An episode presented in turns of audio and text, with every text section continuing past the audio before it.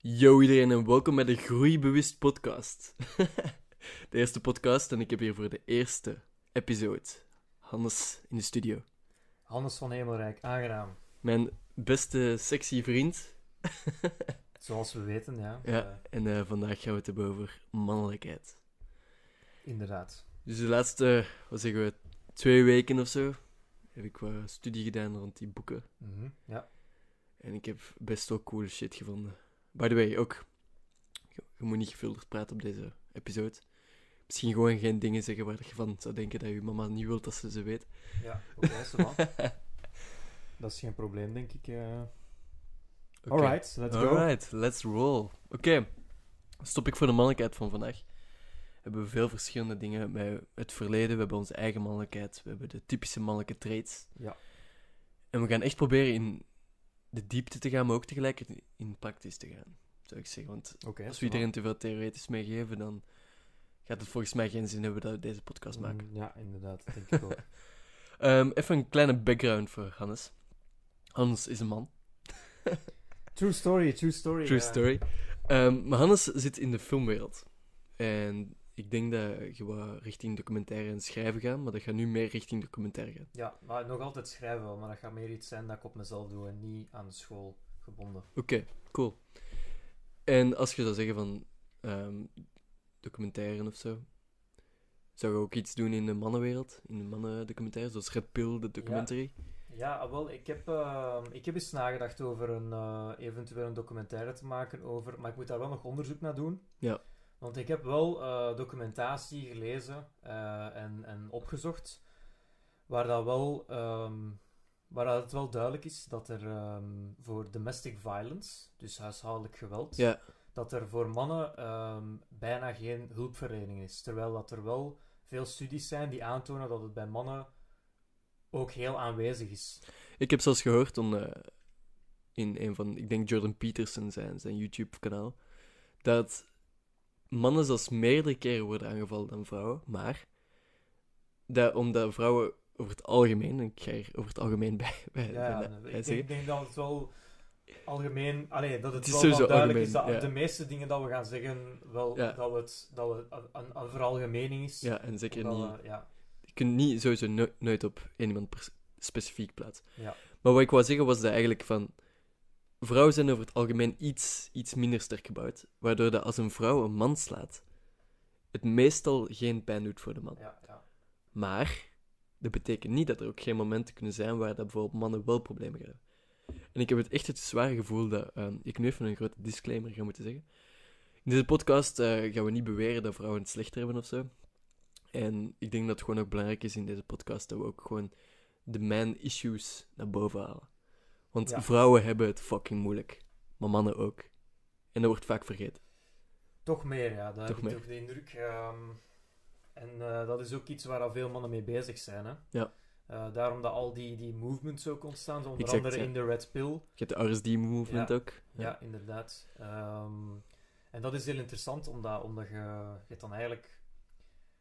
Ja, dat wordt eigenlijk zo een beetje gecounterd in de mainstream media zo. Want zeker, zeker nu, eh, vooral in Amerika, heb je zo identity politics. Hè? Ja. Dat je zoiets hebt van ehm, een soort van rangenlijst van vanaf als, vanaf als je dat bent, zijt je zoveel een slachtoffer. Vanaf dat je dat bent, zeg je zoveel een slachtoffer. En degene die helemaal van onder in de lijst staan, is zogezegd de, de ja, gewoon een, een man. Allee, dat zijn vaak de blanke mannen zo een beetje. Dat zijn degenen die zo het, het het beste hebben. Ja, ze hebben En, eh, white privilege, ja, zo white gezegd. privilege en zo, zo van die zaken. Ja. Ehm, Eh, Jordan Peterson gaf daar zo'n argument over van... ehm, vanaf wanneer zijt je een slachtoffer? Als je blank zijt en je hebt, je hebt Joodse ouders, zeg je dan ook een slachtoffer? Zo van die dingen. Vanaf wanneer zijt je een slachtoffer? En dat is een super moeilijk debat. ja, ehm, ja, ik zou het zelf ook niet weten. Maar Maar ik denk, ik denk gewoon dat dat fout is dat je dat linkt aan, aan, aan etniciteit. En, en Hmm. ik denk dat daar de fout ligt. Ja. Dat is echt, de, dat is gewoon niet goed. Die identity politics, eh, heel dat gedoe van, eh, als, je, als je dat zijt, dan zijt je sowieso iets. ja, want er zit ook een heel grote victim mindset onder. hè, Ja, van, sowieso, Van, ja. Je bent slachtoffer en daardoor kun je niet uit je, bijvoorbeeld, je, ehm, waar dat je bent opgegroeid. Ja, en ik denk, dat je dan, ik denk dat je dan gewoon in een, in een vicieuze cirkel terechtkomt. Akkoord, want ja. als, je, als je jezelf altijd wijs maakt dat je, dat je een slachtoffer bent, dan gaat je dat op, op een duur echt beginnen geloven. En dan gaat, zichzelf dat, gaat zich dat beginnen manifesteren, ook in je omgeving. Omdat je gewoon constant zo je gedraagt. En ja, ik weet niet of dat... dat ik kan daar niet achter staan. Ik vind gewoon een beetje grip krijgen zo over je leven. En dat gaat niet als je altijd die, die kaart gebruikt van ik ben een slachtoffer. Zoals Jordan Peterson zegt, take responsibility.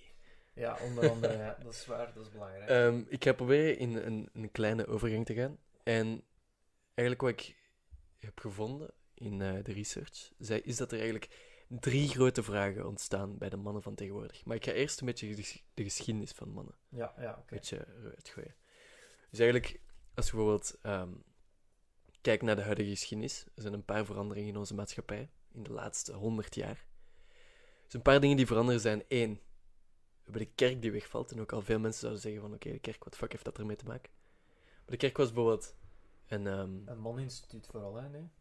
ja, weet, weet ik niet exact. Maar waar ik naartoe wou gaan was dat de kerk bijvoorbeeld heel veel waarden en normen had die, werden ge- op, die op de maatschappij werden geprojecteerd. Ja, ja, waar iedereen eigenlijk een makkelijk handboek waar iedereen kon volgen. Dat is weggevallen. Dus dat is al één. We weten niet goed meer wat onze waarden en normen zijn. Mhm. Twee. We stappen steeds meer weg van de traditionele maatschappij en we gaan steeds meer naar de individuele maatschappij. Maar uit die, drie, uit die twee veranderingen, en ook de vrouwenemancipatie is ook een grote verandering in de laatste honderd jaar. Uit die drie veranderingen komen er altijd drie vragen in onze, in onze, in onze wereld. En ik heb die drie vragen hier even opgeschreven. Ik ga die even voorlezen, dan kun jij zien wat jij ermee akkoord gaat of de- dat je denkt dat er nog een andere vraag zou Ja, oké, shoot. Dus drie vragen die ik ehm, zag terugkomen en die ik straks nog wel ga proberen te onderbouwen, zijn eigenlijk deze. De eerste is, vooral voor mannen. Al deze vragen komen voor mannen. Ze kunnen ook bij vrouwen terechtkomen, maar omdat we een mannenpodcast zijn, gaan we echt specifiek naar die mannengerichtheid. Dus de eerste is, wie moeten we zijn als man? Ah, lekker vaag.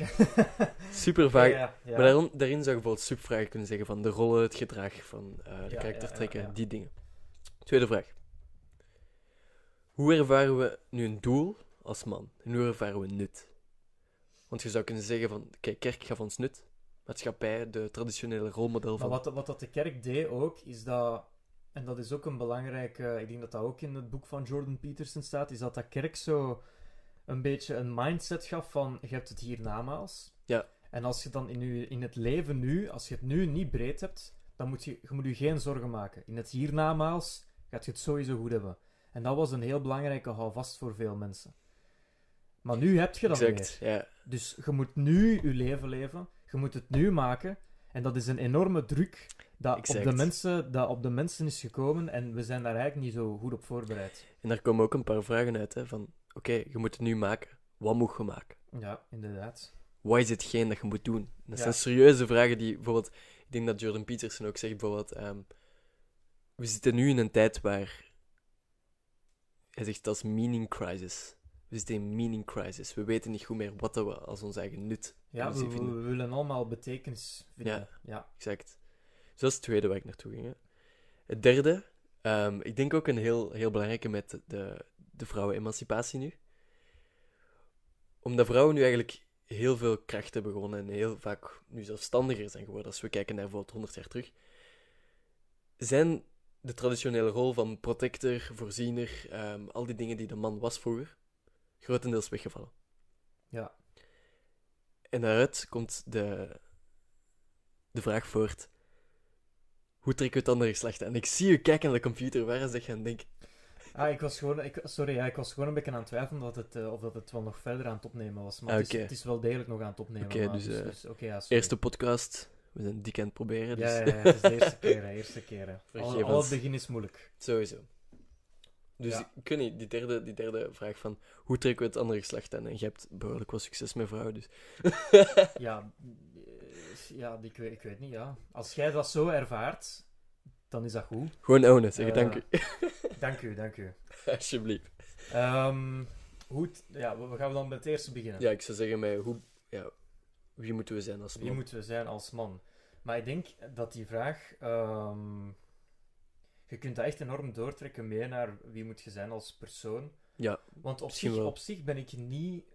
eh, ik, vind, ik, vind, ik vind dat de lijn, de grens tussen de, de specifieke ehm, taken als man en vrouw zijn een beetje aan het verdunnen. akkoord. Onder andere door de vrouwenemancipatie.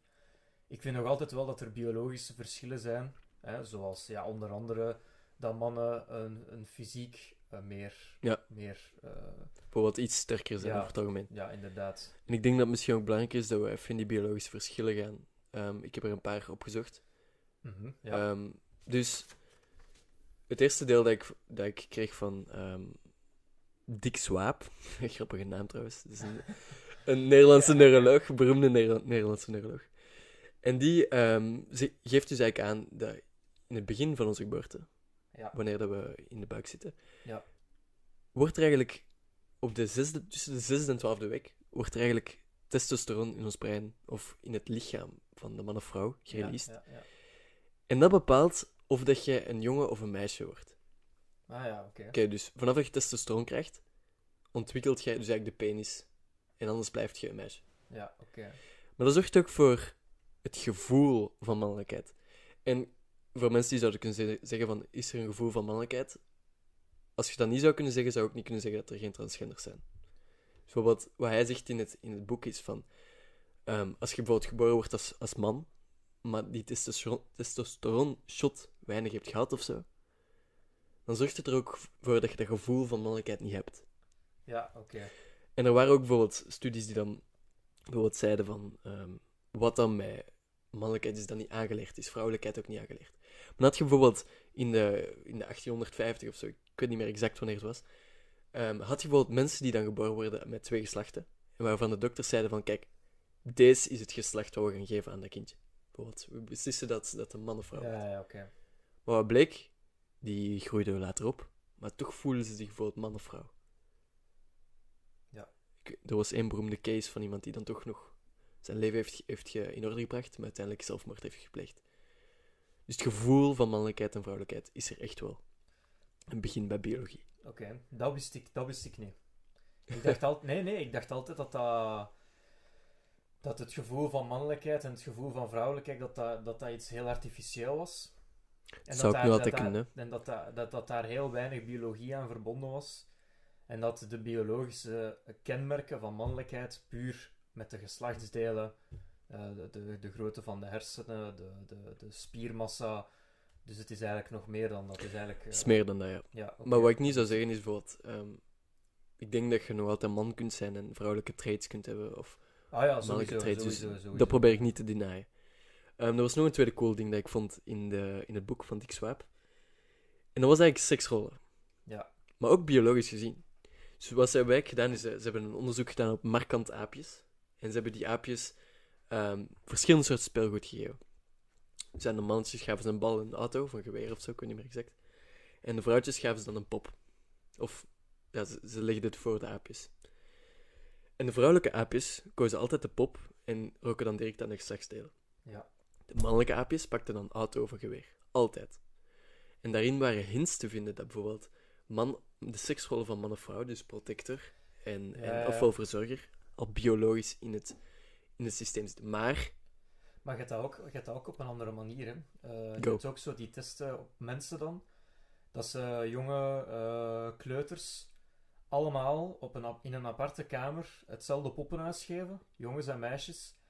En meisjes nemen, er vaak, nemen, nemen vaker te beginnen, beginnen te spelen op een huishoudelijke manier. Beginnen zo gezinnen na te spelen. Terwijl dat jongens vaak zo met de poppetjes wat te beginnen smijten. Zo van, van het dak afrollen en zo. En zo wow, wow. Dus zelfs ook daar zie je een verschil met hoe dat jongens en meisjes gewoon op vroege leeftijd al anders met speelgoed omgaan.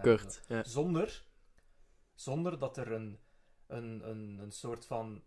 Zonder dat er in de richting geduwd wordt van het speelgoed. Want je zou denken, jongens spelen anders. eh, door, door figuren als Action Man. En dat, dat duwt ze zo wat in een richting van ze moeten wel met actie spelen en zo. Maar dat is niet zo eigenlijk. Het is echt wel degelijk dat jongens gewoon anders spelen als meisjes met hetzelfde speelgoed ook. We kunnen, we kunnen wel altijd wel zeggen van, kijk, er zal natuurlijk wel een soort van eh nurture zijn waar dat die richting inderdaad misschien wel deels wordt gepromoot, maar de biologische component is wel fucking aanwezig. en kan niet ontkend worden. Dus, ah ja, kan sowieso ontkend worden, alles kan ontkend worden. Maar Ja, gaan we zo beginnen? dan, moeten we, dan moeten we ineens discussiëren. kom, laten we ons leven in vraag stellen. Ah, alles, alles is subjectief. Objectiviteit bestaat niet. Hè. Eh, het gaan geweer, dan schiet ik mezelf in mijn hoofd. Oké. Niet Wow. doen, mensen, niet doen. Eh, we gaan hier geen zelfmoord eh, promoten. Ja, ik denk dat, ik denk, dat, ik denk, dat, ik denk dat de meeste mensen al gestopt zijn met luisteren. Zou kunnen. Nee, laten we positief blijven. Positiviteit, altijd goed begin. Er zal ooit wel iemand... Kijk, hè, als je nu aan het luisteren bent naar de podcast en je hebt ons gevonden door de keywords op YouTube, jij zijt fucking awesome. Inderdaad. En zoek mij op. Eh, en zoek vooral ook Thomas van Haagt op. Eh, Yes. to- toffe, toffe guy, toffe guy. Groeiboost.be. Ja, voilà. Nee, maar ehm, ik vond dat heel eh, interessant toen ik dat las, omdat we inderdaad wel vaak horen van eh, ja, jongens zijn jongens, omdat ze ge- gepusht worden om jongens te zijn. Ons op school dat toch, is- hè? Goh, ja, ik denk, ik denk, het wordt wel bevestigd door de maatschappij, maar ik denk dat het eh, veel ingewikkelder is dan gewoon enkel dat. Ja. Dat het, dat het inderdaad, dat er ook wel biologische componenten aan verbonden zijn. Ehm, zoals wat dat jij daar juist zei, wat dat ik niet wist, maar ik wist wel dan... eh, ik wist wel dat er dan die onderzoeken waren van dat speelgoed en zo, dus er was wel al... Vullen elkaar perfect aan. Ja, sowieso, sowieso. Oké, ehm, gaan we naar de tweede vraag? Ik heb er nog eentje. Ah, Oké. En dit is denk ik wel een van de belangrijkste die we gaan Ja. ehm, aanvullen. Dus eigenlijk, als we kijken naar de ontwikkeling van mannen en vrouwen, Mhm. biologisch gezien, dan is het een, een feit dat mannen over het algemeen trager rijpen en trager in ontwikkeling komen. Ja, dat is waar, ja. Dus vooral de, het, het spreken en eh, ik denk ook woordenschat, ik, ik heb het hier opgeschreven. Ja, mijn woordenschat trekt nog altijd op eh geen hol. Nederlands kapot. Ja, maar dus eigenlijk, wat er gebeurt is, ehm, meisjes rijpen dus gemiddeld sneller, ze praten eerder ja, en ja, vloeiender. En, mij, en jongens, veel trager. En zijn biologisch gezien actiever dan meisjes. Ja. Maar wat heeft dat nu voor gevolg? Het gevolg, maar ik, ik heb al iets wat ik eh, denk. Ik, ik denk dat ons onderwijs daar niet op is aangepast. Exact. Eh, ik denk dat, eh, ja, dat, dat vrouwen een enorm, veel, een enorm voordeel hebben in het onderwijs van, van, van België. Ik denk algemeen een beetje de westerse wereld. Maar daar, daar kunnen we neigen verder gaan. Hè? Ja. Want je hebt bijvoorbeeld... eh, ja, je hebt- mannen zijn over het algemeen meer bezig met praktijkvakken, bijvoorbeeld. Maar wil je een master halen als man en je wilt graag ook met je handen bezig zijn, dan gaat dat heel moeilijk gaan, want je hebt bijna geen richtingen dat praktisch zijn in de UNIF. Je er zelfs, ja, ik, weet, ik weet niet, er zullen er misschien zijn, ik, ben- ik weet er niet het fijne van, maar het is wel gekend dat UNIF, dat is heel theoretisch. Ja. Ehm, dus daar heb je eigenlijk over het algemeen als vrouw wel een voordeel, omdat vrouwen veel meer leren met het, met het, ja, het studeren, de boeken en zo. Die zijn daarmee veel meer mee bezig en mannen leren meer door te doen. Zo. Hmm. Over het algemeen. Hè. Algemeen, akkoord. Ja. Oké, maar we zullen nu stoppen met altijd over het algemeen te zeggen. Dat iedereen het wel door heeft. Dat Elke keer als we, als we iets over eh, geslachten zeggen, dan betekent het algemeen. Dit is de laatste dis- disclaimer. Ja, oké. Ehm, ja, that's it, that's it. En, maar het probleem eigenlijk van die twee trades bij mannen in het onderwijs is eigenlijk ten eerste worden mannen gezien als lastig in de klas, Mhm. omdat we zo fucking actief zijn. Ah Maar je- ja, dat is toch dat label ADHD of zoiets? Ja. Wist je dat? Wacht, ik weet niet meer hoeveel, maar iets van eh, drie op vier personen die ADHD krijgen, zijn mannen. Ja, Fucking hell. Maar eigenlijk, ja, allee, ik weet, je kunt dat misschien eh, aantonen in de hersenen of zo, maar ik vind dat eigenlijk Ja. maar belachelijk, dat label. Ik vind gewoon... eh, Maar ik denk wel dat er, zo, dat er sommige momenten zijn dat het waarschijnlijk wel echt zal zijn. Maar Tuurlijk, tuurlijk, maar ik vind... Ik ben gewoon ook geen fan van medicatie voor zo'n dingen. Ja. Dus ehm, als ik, als ik... Als er iemand aan het luisteren is, een persoon kent, dat met kinderen werkt, met ADHD, zonder medicatie te geven, maar gewoon puur op de persoon inspelen en niet op, we moeten dat gewoon intomen, contacteer mij, dan, dan dat ga ik echt later kunnen gebruiken als ik ooit een kind heb, denk ik. En die zou daar last tussen aanhalingstekens van hebben, want ik vind dat mag niet als last genoemd worden. Ehm, maar ik denk dat dat... ehm, ja, ik denk, denk dat dat nog een mooie carrière zou zijn. Zo, zo met kinderen bezig zijn met ADHD, maar zo meer Mm. inspelen op het kind zelf en minder op hoe moeten ze gewoon medicatie of relatine geven of zo. Blijkbaar is ook... ehm, dus mannen in het algemeen zijn bijvoorbeeld ehm, slechter in het lezen van, begrijpen van hun eigen emoties. Ja, en, ja, ja. en het leren daarvan. Ehm, dat heeft ook een effect op ADHD. Ja. Het punt is eigenlijk dat bijvoorbeeld heel veel jonge jongens hebben nooit geleerd door de maatschappij, door hun ouders, door, hun, door, door de leerkrachten, hoe dat ze die emoties leren lezen. En wat gebeurt er nu? Omdat ze daar geen label voor hebben, door- doordat ze dat niet kunnen communiceren, uiten ze die emoties door middel van fysieke activiteit. Ja, oké. Wat er eigenlijk voor zorgt dat bijvoorbeeld jongens die zich. Praat ehm, maken, die gaan beginnen meppen.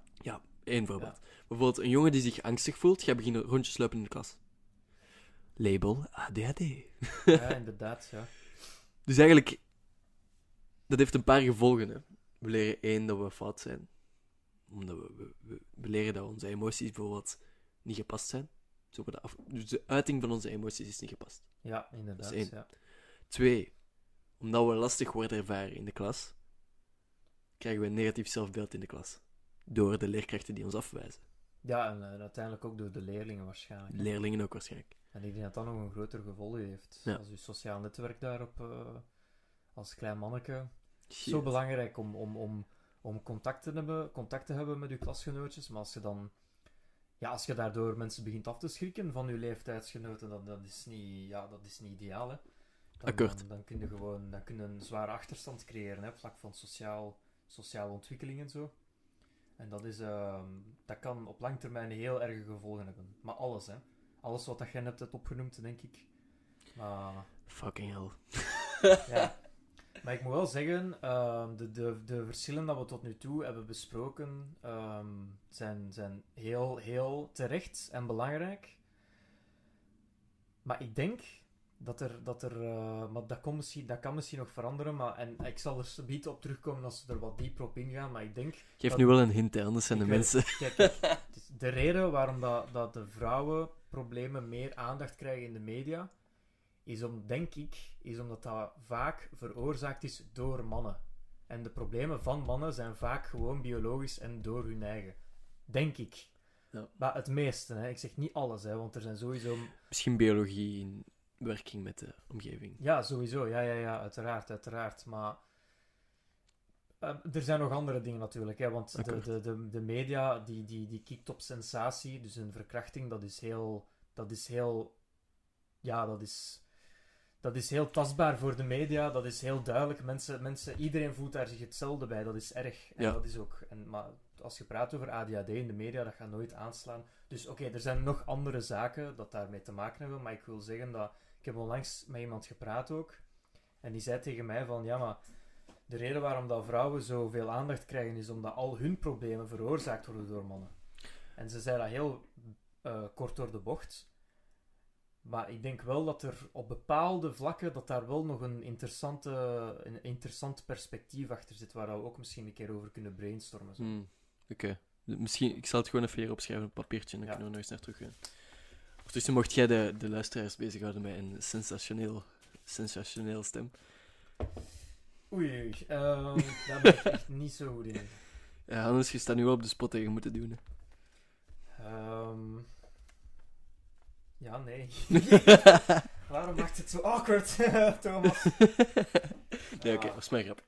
Alright. Ehm, we kunnen verder gaan. En ik weet niet goed waar we naartoe gaan, maar Ah, vraag 2. vraag 2. Wat was Ja. vraag 2? Vraag 2 was eigenlijk...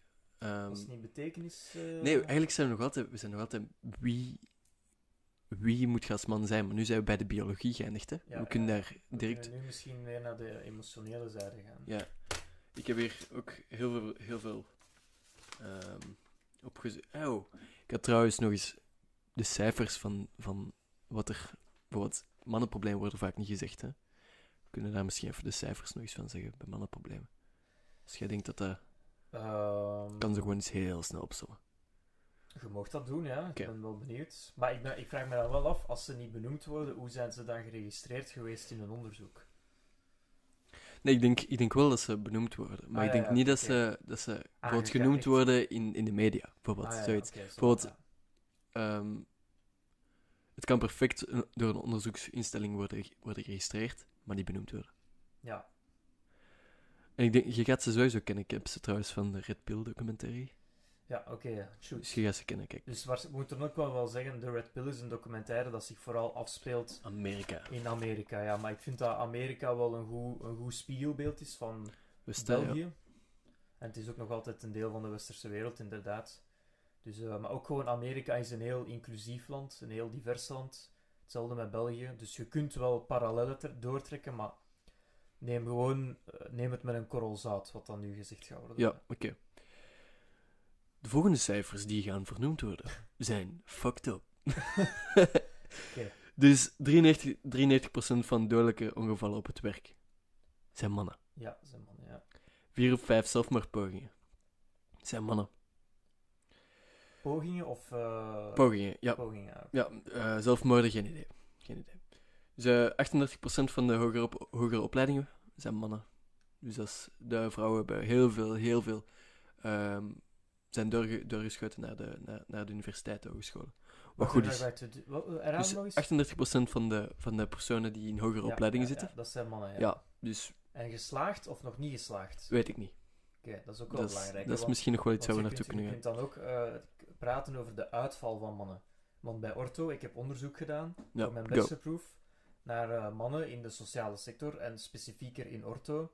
En wat dat we hebben gezien, is dat niet alleen mannen, mannen in veel mindere cijfers beginnen aan de richting, maar dat de uitval ook groter is. Dus je hebt Mm. bijvoorbeeld, je hebt 100 studenten, je hebt daarvan 10 mannen en je hebt, je hebt dus 90 vrouwen.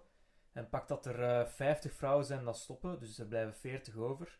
Dus dat is ongeveer ja, eh, iets minder dan de helft dat nog overblijft. Maar bij mannen, van de 10 gaan er misschien nog maar 2 overblijven. En dat is 80% dat wegvalt. Ja. Dus de uitval is ook veel groter. Dus daar kunnen we misschien ook wel onderzoek naar doen voor, eh, voor eh, een andere keer. Ik denk sowieso dat we hiervan nog eens een tweede episode kunnen maken met Ja, alles wat we nu denken van, oh, deze shit is nog niet goed genoeg uitgezocht. Daar nog eens op verder kunnen ja, dat is goed. Oké. Ehm, je gaat trouwens ook... ehm, ook bij de jongens op jongere leeftijd heb je juist hetzelfde. Iets van... Wacht, ik ga het erbij halen. hè. Geef mij één seconde. Ik denk dat... Oké, nee, ik weet het nu even niet meer. Waar zou die zijn? Help mij! Geen idee. Maar wat, wat, wat, wat, wat, wat wou je zeggen? Oké, ik wou eigenlijk ook de cijfers er eens bij halen voor eh, jongens op een jongere leeftijd, maar ik weet niet meer waar, waar ze staan, dus maakt niet zoveel uit. ik ga ze gewoon even laten vallen. Ehm, wat wel ook, wat ook nog een verschil is tussen man en vrouw, is de psychische stoornissen. Ah, maar er is ook nog een heel belangrijk cijfer dat je nog niet hebt gezegd. Ah ja, ik weet het al. De violence shelters? Die? Nee, nee, nee, ook nog een ander. Ehm, nee, go. Daklozen. Veel meer mannen. Oké, heb ik heb veel niet opgeschreven. meer. Veel meer, ja. Eh, ik, ik, ik kan het exacte cijfer niet geven, jammer genoeg. Ja. Maar ik weet ook dat het veel meer is. Echt, echt zwaar over de helft. Echt wel 8 op 10 daklozen zijn mannen. Zou dat ook niet kunnen, omdat eh, meestal in de plekken waar ze daklozen opvangen, meestal vrouwen sneller worden toegelaten op die plek? Dat weet ik niet. Dat weet ik niet. Oké, ik slechts hypothese. hypothese. Eh, ik denk gewoon omdat... Allee, het kan ook zijn omdat, omdat, omdat vrouwen, zoals dat gezegd, veel beter slagen in het eh, hoger onderwijs. En dat kan al een belangrijke factor zijn door gewoon niet dakloos te worden op langere termijn. Ja, je zou bijvoorbeeld zeggen dan dat... ehm, Allee, het is, het is, een, het is een heel oppervlakkige observatie. hè, ja, maar- dus hier, hier moet je zeker geen notities van nemen, mensen. Allee, al die mensen dat al hebben opgeschreven. God, God damn Ik it! heb net zo'n mooi notitieboekje gemaakt. Zo'n tekeningetje al. Nee, maar eh, ik, ik heb het... ehm, ja, het is, het is eh, inderdaad een, ook een groot verschil dat daklozen... Dat mannen veel eh, meer kans hebben om dakloos te worden. Maar ja, ga, ga naar die crisis... Heb je die crisis meegemaakt? Bij Brussel-Noord. Wat daar vol met daklozen Ah, was. ja, ja, ja. We ik hebben, heb daar geen één vrouw gezien. Geen één. En ik, ben de- ik ga er elke dag naartoe voor de bus te pakken. Ja. Ik heb daar nooit een vrouw gezien. Ik weet nog toen ik ehm mei december, ik denk een jaar geleden of zo, gingen we Ja. allemaal kleding daar brengen. En ehm, toen waren het ook al, allemaal mannen, maar echt Veel, hè? fucking veel, man. Ja. Niet normaal. Maar dat is ook misschien ook vluchtelingen. Daar gaan we niet te veel op dieper ingaan. want Ja, ja oké. dat, dat is, eh, dat is buiten ons dingen. Ehm, ik wou wel nog eens eigenlijk teruggaan naar hoe mannen in het verleden werden geprojecteerd. En daar gaan we misschien uw specialiteit ook nog eens van film bij pakken, zo meteen. Ja, is goed. Ehm, maar misschien... Ik heb, hem, ik heb de laatste 14 dagen ook wat rondgevraagd aan, aan mensen die ik in mijn persoonlijke kring ken. En altijd gevraagd van, oké, wat ziet jij als mannelijkheid? En ik denk... ehm, er waren verschillende kanten. Ik denk... Wat vaker uitkwam was James Bond. Ja, oké. Dus Ja. de, de, de emotieloze killer, maar die wel alle vrouwen kan krijgen. Maar daar wil ik nog iets op zeggen. Oké, go. dat is, eh, ja? Ja, Nu- go, nu go. Nu. Er is een James Bond film. Allee, ik vind, ik vind als je zegt dat James Bond emotieloos is, dat dat, dat, dat, dat niet juist is. Oké, go. Misschien, ik vind, ik vind dat hoe ouder dat je gaat, hoe ouder de films, dat hij juist nog altijd meer emotie toont. Allee, wacht, ik ga het goed zo zeggen. Er is een film. En dat is de zesde James Bond film. En die noemt On Her Majesty's Secret Service. En dat is echt... De film zelf is oké, niet speciaal, maar dat einde is zo krachtig. Niet spoilen voor iedereen. jawel, ik, ga, ik ga het spoilen, ik ga het spoilen, want het is belangrijk. Sorry is mensen, belangrijk. sorry mensen. Hij trouwt in die film. En zijn vrouw wordt op het einde neergeschoten en hij weent. Oké, dat, is, dat is nice. En hij weent. En dan is het gedaan. Het, zo eindigt het gewoon. Het is echt heel... En, en hij is daar aan het kussen terwijl dat ze dood in zijn armen ligt zo. En hij weent. Of ja, ik weet niet of dat hij weent, maar hij kijkt heel emotioneel, alleszins. Oké. Het is echt heel mooi. Echt een van de beste eindes in alle James Bond films. Toch heel krachtig. Dus zeggen dat hij emotieloos is... Ja, ik weet het niet. Ik vind dat moeilijk. Eh, want emotie kun je ook veel meer doortrekken. Hè. Je kunt, want hij is altijd grappig geweest. En dat is ook een emotie. Oké, maar kan, dat kan ook een copingmechanisme zijn. Ja, ja, sowieso. Dat kan ook, dat kan ook gewoon een flirtmechanisme zijn. Dat kan ook zijn. Ik, Ja, denk dat het akkoord. voor- allee, ik, merk vooral dat het dat is. Maar dat is ook een emotie. Nee, Dus, akkoord, ja. ehm, Maar ik denk dat je het vooral hebt op zo de, de, de, de kwetsbaarheid. ja, ja, de kwetsbaarheid. Maar ik denk dat dat ook voor ehm, lore-wise, voor het personage, dat dat gewoon niet logisch zou zijn, moest hij heel kwetsbaar zijn. Omdat dat een, een agent is. Ja, Omdat hij als beroep gewoon zo een steen moet zijn bijna. Ja. Oké, begrijp Dus ik vind, ehm, zeggen dat hij emotieloos is, ja, maar je kunt dan... Ik vind dat dat moeilijk is om te projecteren van, kijk hoe dat de media mannen afbeeldt. Dat is gewoon dat personage Ja. dat zo afgebeeld wordt, niet man in het algemeen. Nee, oké. Oké, begrijpbaar. nee, oké, goed punt. Ehm, wat ik dan denk... Dat ze zeiden toen dat, eh, toen dat ze James Bond verwoorden... Ik weet niet meer wat ze eigenlijk exact zeiden. Maar het was een soort van... Maar kijk, het is gewoon, hij is gewoon cool, hè. Hij is fucking Hij is cool. cool, hè. En hij kan de vrouw krijgen Hij is en, en voilà, dat cool. is het, hè. Hij heeft monies, hij heeft de cars, hij heeft, hij heeft de gadgets. Allee, dat is fantastisch, hè. Tuurlijk kijkt hij daar naar op. Dat is normaal, hè. Ja, nee, goed punt. Voilà, dat is, dat is, ja, dat is gewoon zo. Hm, oké. Ehm, Ehm, een ander iets wat ze zeiden was... eh, de provider. Ja, oké. Dat is eigenlijk zo meer het, het oude beeld, wat nog veel in de andere soort maatschappijen worden gemaakt. Ja, ja, ja. De man die de inkomen binnenhaalt. Ja. Want, Nu, nu is er iets anders. Go. Ehm, ik heb onlangs gepraat met iemand. Onlangs, oké, dat is al een paar maanden geleden, maar het is nog relevant. Het is nog, het is nog nieuws. Hè. Allee, het is nog nieuw. Eh, het is niet vijf jaar geleden of zo, het is echt onlangs. En eh, die zei tegen mij van, ja Hannes, als jij een lief hebt en die verdient meer als u, dat gaat toch pijn doen?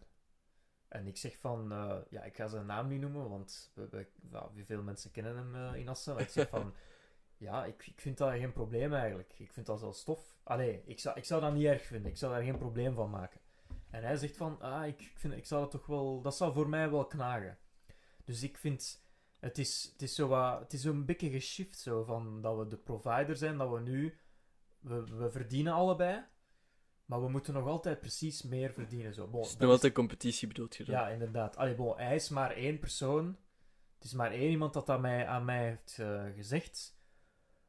Maar ik denk wel... eh, ja, hij sprak ook voor zijn vrienden, zei hij.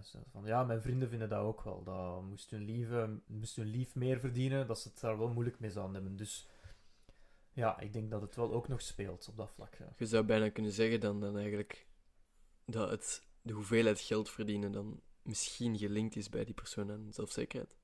Dat kan. Ehm, Ja, het is maar ik denk, ik denk hypothese. kijk, kijk, als ik kijk naar mezelf, hè, dat is puur naar mezelf. Dat Ja, is niks wetenschap, niks onderzoek. Kijk, als ik hen lief heb en ik zie die graag, ik wil die gewoon ook zo... Ik wil die gewoon zo soigneren, hè. Ja. En dat is... Ja, ik, ik heb van tijd echt nul inspiratie. En dan is een cadeau een keer kopen. Of een keer, ah, we gaan een keer gaan eten en ik betaal wel. We gaan een keer naar de cinema en ik betaal wel. Ja, vaak gaan we gewoon naar de cinema omdat ik zeg, we moeten naar de cinema gaan. Want ik wil naar de cinema gaan. als, dan- als, als, als documentairemaker en filmmaker is dat logisch dan dat u... Allee, ja, het is gewoon zo is- van... Ja, en dan zeg ik van... Ja, ik zal wel betalen, want ik drag u gewoon mee. Allee, ja.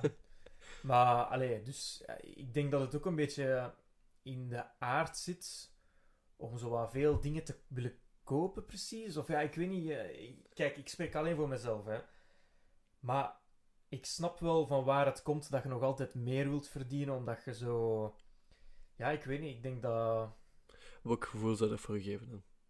Stel dat jij betaalt op de film. Welk gevoel zou dat geven? Oh, dat is, dat is echt zo'n gevoel van delen, gewoon. Ah. Als die dat echt Ja. dan een leuke film vindt, dan heb ik zoiets van, ah, dat is echt fantastisch. Topwijf.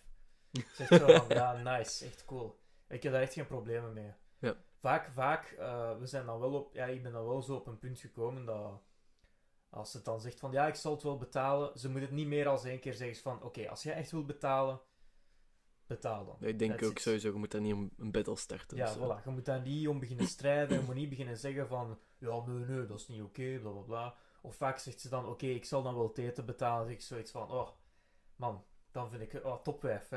Het eten betalen, zeg. Allee, ja, dan pak ik eh, Voor- een zak chip. Voor u lijkt een... eh, wat zeg zo... Paar cidertjes, hè, Die, gelijk, water, ja. die gelijkheid lijkt voor u dan ook wel nice. Ja, tuurlijk. Allee, dat is zo... Kijk, het is gewoon... Je wilt elkaar wat soigneren. Hè. En voor mannen is dat gewoon een heel makkelijke... Allee, makkelijk. Het is gewoon een, een, een, een, een efficiënte, efficiënte, klassieke manier. en het werkt wel. Hè. Allee, je, hoort dat nog altijd. Hè. Het is niet iedereen, maar af en toe hoor ik dat nog altijd. Dat meisjes zo zeggen van... Ja, als ze op de eerste date niet betalen, dan vind ik het toch wel een afknapper. Niet dat ze niet verder willen, maar dat ze toch al zoiets van... Hmm, ja, Ja, want het zou kunnen zeggen van... Eigenlijk de onderliggende boodschap is, zijn, zijn een paar redenen. Dus de reden één is van, kijk, ik heb het goed genoeg om... Het toont sociale status. ja, ja, ja. Het toont van, ik heb rijkdom, ja. ik kan het betalen. Reden 2, de onderliggende reden, zegt eigenlijk ook van... ehm, ik ben iemand die graag deelt. Wat eigenlijk een goede persoonlijkheidstrait is. Ja, En dat kunnen aantonen dan op een date, is een goede fucking start. Ja, dat is waar. Wat niet betekent dat je het moet doen. Nee, dat is waar. maar het is wel Eh, cool om, om, om daar eens over na te denken, dat je dat kunt projecteren door middel van iets te betalen. Ja, inderdaad. Het is, het is waar, ja. Eh, maar dat is ook met... ehm, ja, en... en ach, ik, ik ben vergeten wat ik was, eigenlijk. Echt stom. Dan gaan we gewoon naar het volgende. Oké, we zullen dat volgende gaan. Het was, het was, het was wel een boeiende insteek. Ja. eh, ik vond het wel... Oké.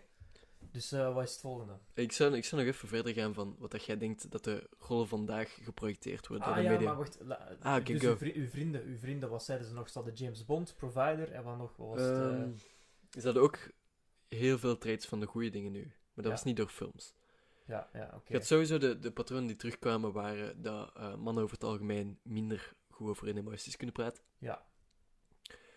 Ehm, dat ze meer uit ratio handelen, minder uit emotie, wat ik niet denk dat waar is, maar dat ze gewoon meer rationeel overkomen. Ja, ja. Ehm, een andere was, waar we ook tot de conclusie waren gekomen, was dat mannen... Je kunt eigenlijk teruggaan naar, naar de jeugd, waar we het net over hebben gesproken, in de klasse. Omdat mannen worden afgewezen op hun emotie, sluiten ze ook meer die emotie af. Mhm, ja. Ja, sorry, ik wou even... Testen. Ja, Lukt het nog? Ja lukt nog. Oké, awesome. De micro's werken nog, jongens. Nee, nee, ik wou een keer kijken of er contactgeluid is als ik zo de, de, de tripods aanraak, maar Klein beetje. klein beetje, maar niet veel. Oké, oké, dus we gaan verder, ja. Ehm, ja, wacht, ik was bij... Ah ja, dus eigenlijk... Omdat de jongens op jongere leeftijd worden afgeleerd om emoties te tonen, plus uiten, plus lezen, die drie dingen, zorgt het er ook voor dat ze op latere leeftijd afsluiten. Ze hebben gekeken bij een onderzoek bijvoorbeeld, was dat ehm, als je jongens op, op, ik denk, tussen 10 en 12 of zo, en meisjes naast elkaar zitten en een geluid van een baby liet horen, zo'n irritant geluid van het, het- de baby moet, moet, eh, moet, moet ge- gegeten, moet gegeten, Ja, ja, ja. gegeten hebben. Ehm, de meisjes, hun eerste reactie was het zorgende deel, was baby rustig maken, baby eh, moet oké worden. De jongens gingen naar, naar de geluidsknop, ofwel deden ze de geluidsknop volledig af, Ja. Ofwel begonnen ze boos te worden op het scherm of zo. Oh ja, oké. onderliggende reden. Omdat jongens, niet iedereen natuurlijk, de meeste jongens niet met hun emoties kunnen omgaan, vermijden ze situaties die emotionele verwarring, verwarring op. Ja, ja, dus, dus Dat ze lopen weg van hun problemen in plaats Exact. van het te confronteren. Zo, ja. En dat was ook een die altijd terugkwam. Mannen sluiten nu af van emoties. Ja, ja, ja. Ja. Oké. Dat Ja, daar goeie ben, ik, daar ben ik...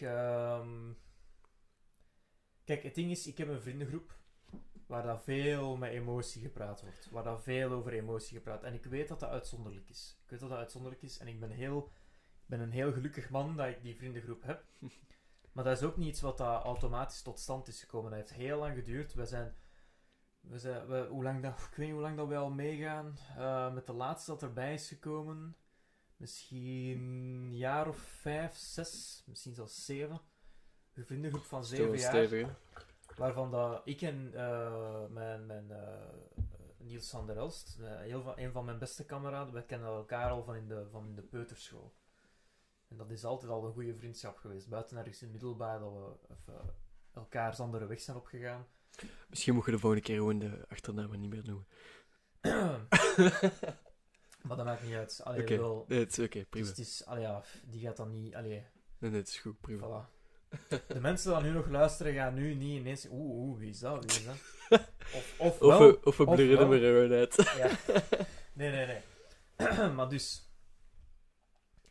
Een goede vriendengroep, hè, en we, we praten veel over emoties, maar ik merk zelfs nog altijd dat er soms wel opgekropt wordt. Dus het blijft aanwezig, maar ja, ik zeg, ik, ik denk de beste stap om dat tegen te gaan is er gewoon, gewoon erover praten. Echt altijd over praten, ja, altijd, altijd.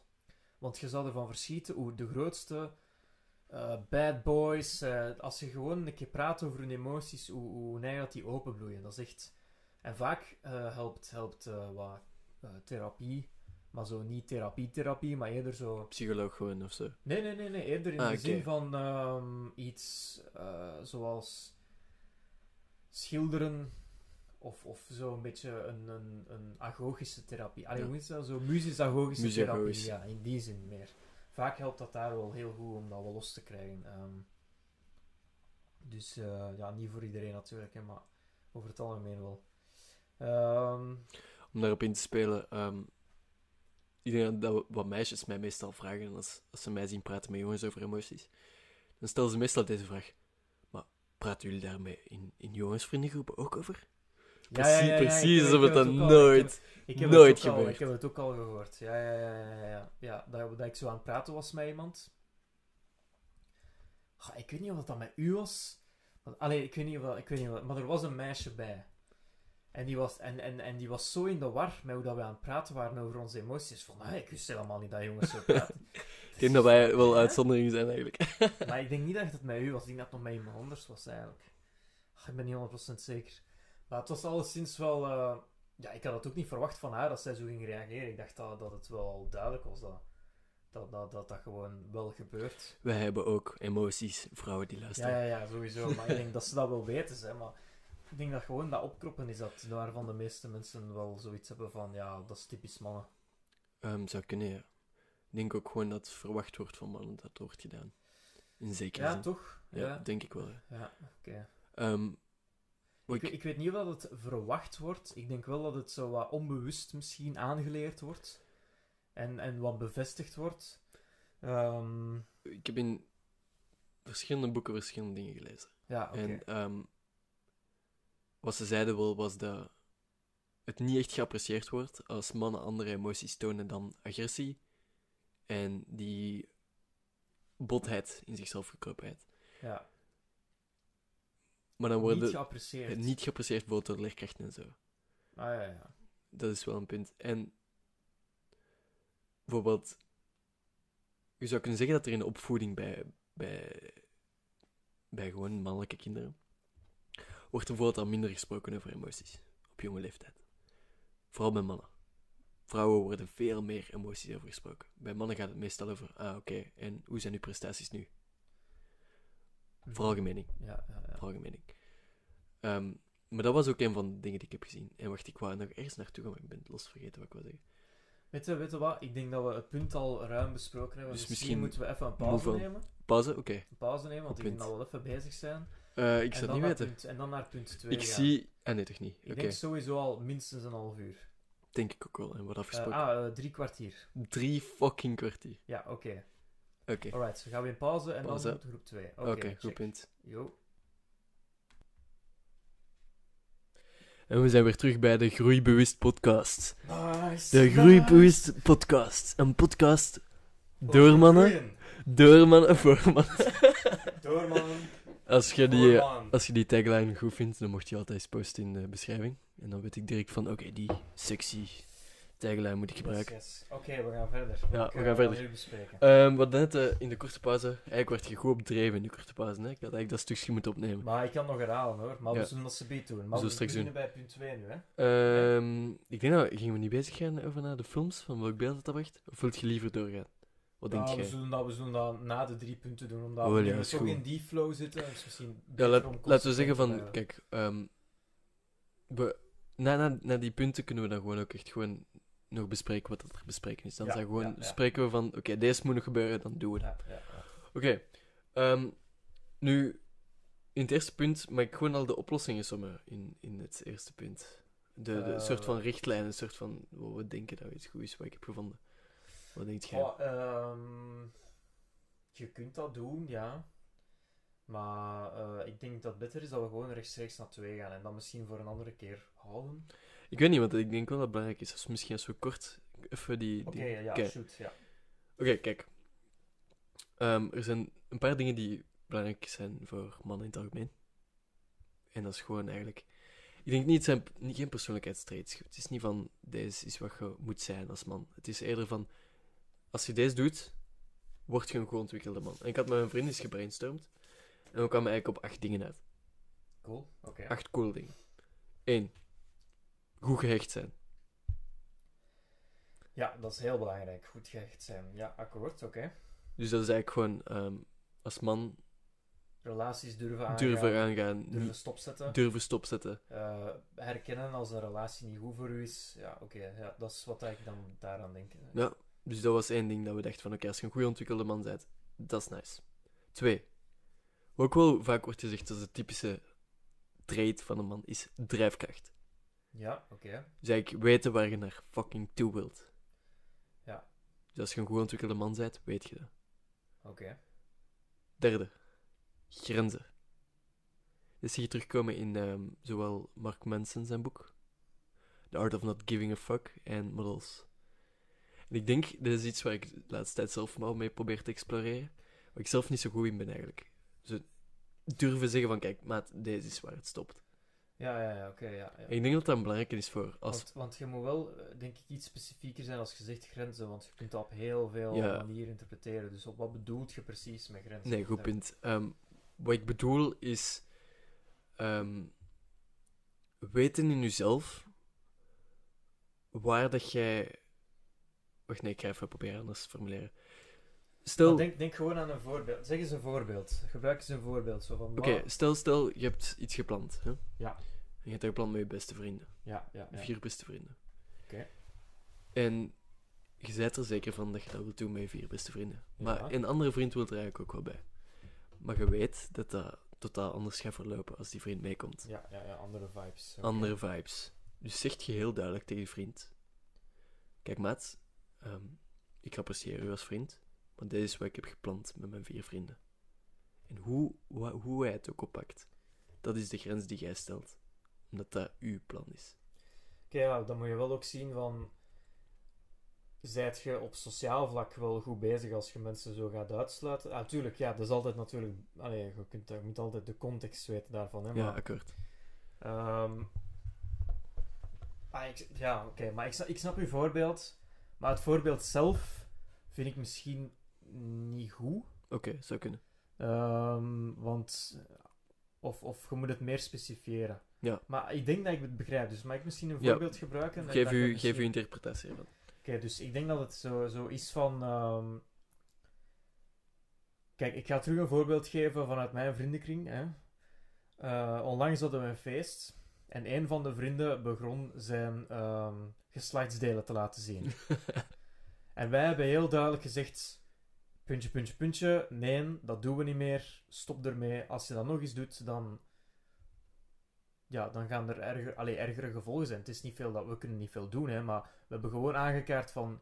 Dat Kijk, is niet hoe dat wij... Ja, wij vinden dat niet, niet oké. Hier wordt dat niet gedaan. Je kunt dat bij andere vriendengroepen doen. Hè, op, in een bepaald jeugdhuis of zo. Maar niet hier. Dus wat ik eigenlijk denk dan eigenlijk, als we daaruit kunnen voortgaan, is van... Uw grens stellen is eigenlijk wanneer uw waarden en normen worden overschreden. Ja, En jij geeft die aan naar de andere persoon. ja voilà. Dat is, eh, ik denk dat dat wel eh, een goede, Ja. goede summary is. Ja, oké. Ehm, dus ik denk dat dat belangrijk is voor geen vloermat te zijn. Dat de mensen niet altijd over u heen lopen. Ja, Eh, vierde is zelfzorg. ja oké. Weet je wat ik daarmee bedoel? Ja, ik denk dat dat wel voor zich spreekt. Ehm, Zowel mentaal als fysiek. Exact, ja. Eh, en en, en eh, ook op intelligentie, denk ik. Oké, Eh, beschrijf die dat eens, want die weet ik niet goed. Ja, gewoon in de zin van mentaal vooral. Oké, ja. Mentaal, emotioneel Dus en leren, fysiek. leren omgaan met je behoeften, je emoties. Ja, gewoon algemeen gedachten. ook af en toe een keer gewoon nieuwe dingen leren kennen, cultuur opzoeken, zo Tijd pakken voor jezelf. Maar dat is natuurlijk heel persoonlijk voor mij. Dat is hoe dat ik, Ja, waar, waar dat dat ik is uw belang aan vorm. hecht. Ja. Van zelfzorg, oké. Volgende was eh, balans. En daar hadden we dus tussen ratio en emoties. ja, Ehm, omdat veel mannen meestal heel rationeel overkomen. Ja.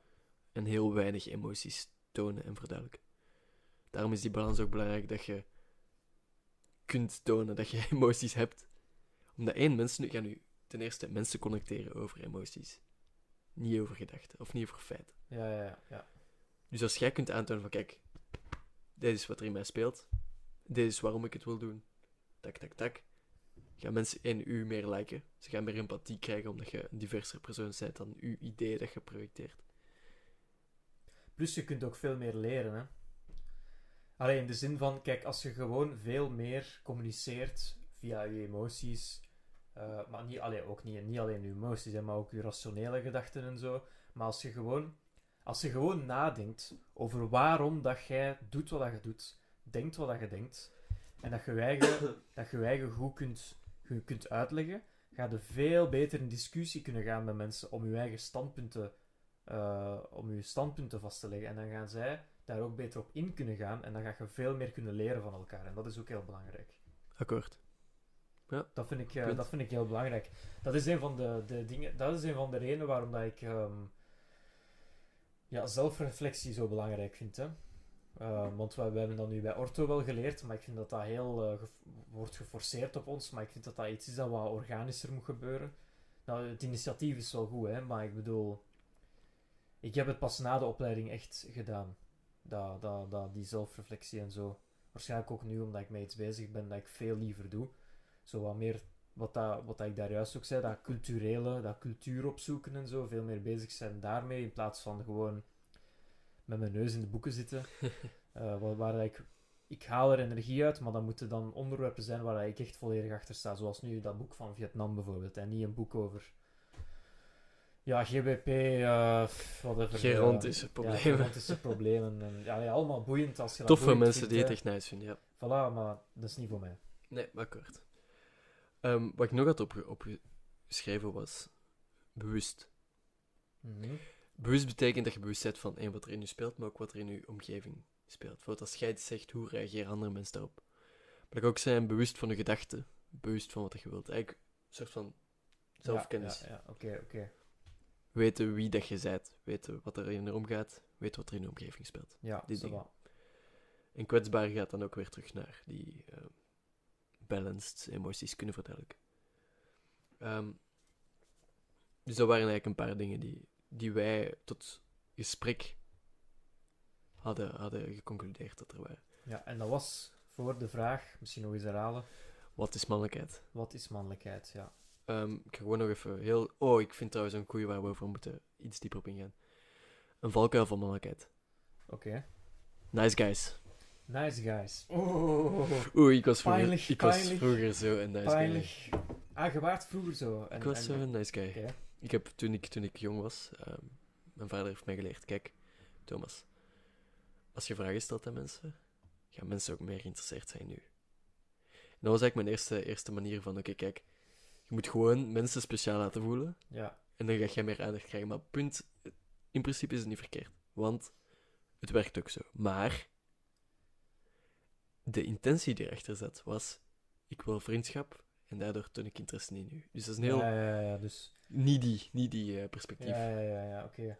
Ja, de intentie is heel belangrijk. Hè, want, kijk, voor een of andere reden... Allee, ik, weet, ik weet niet, mensen hebben precies zo'n radar. Dat als je veel eh, vragen stelt aan die persoon, en dat is puur zodat jij dan vragen terugstelt, zodat hij eigenlijk in de spotlight kan staan.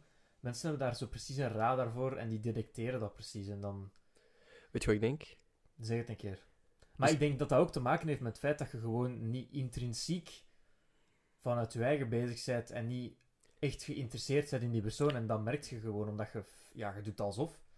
Ja, dus ehm, wat ik denk is dat, omdat die, zoals jij zegt, intrinsiek in jezelf speelt, zorg je ervoor dat je op lichaamshouding, dus die eigenlijk die subcommunicatie, Ja. aantoont, kijk, ik ben niet geïnteresseerd in u. Ja, want die communicatie heeft een veel belangrijke rol dan puur het verbalen. Hè. Ja.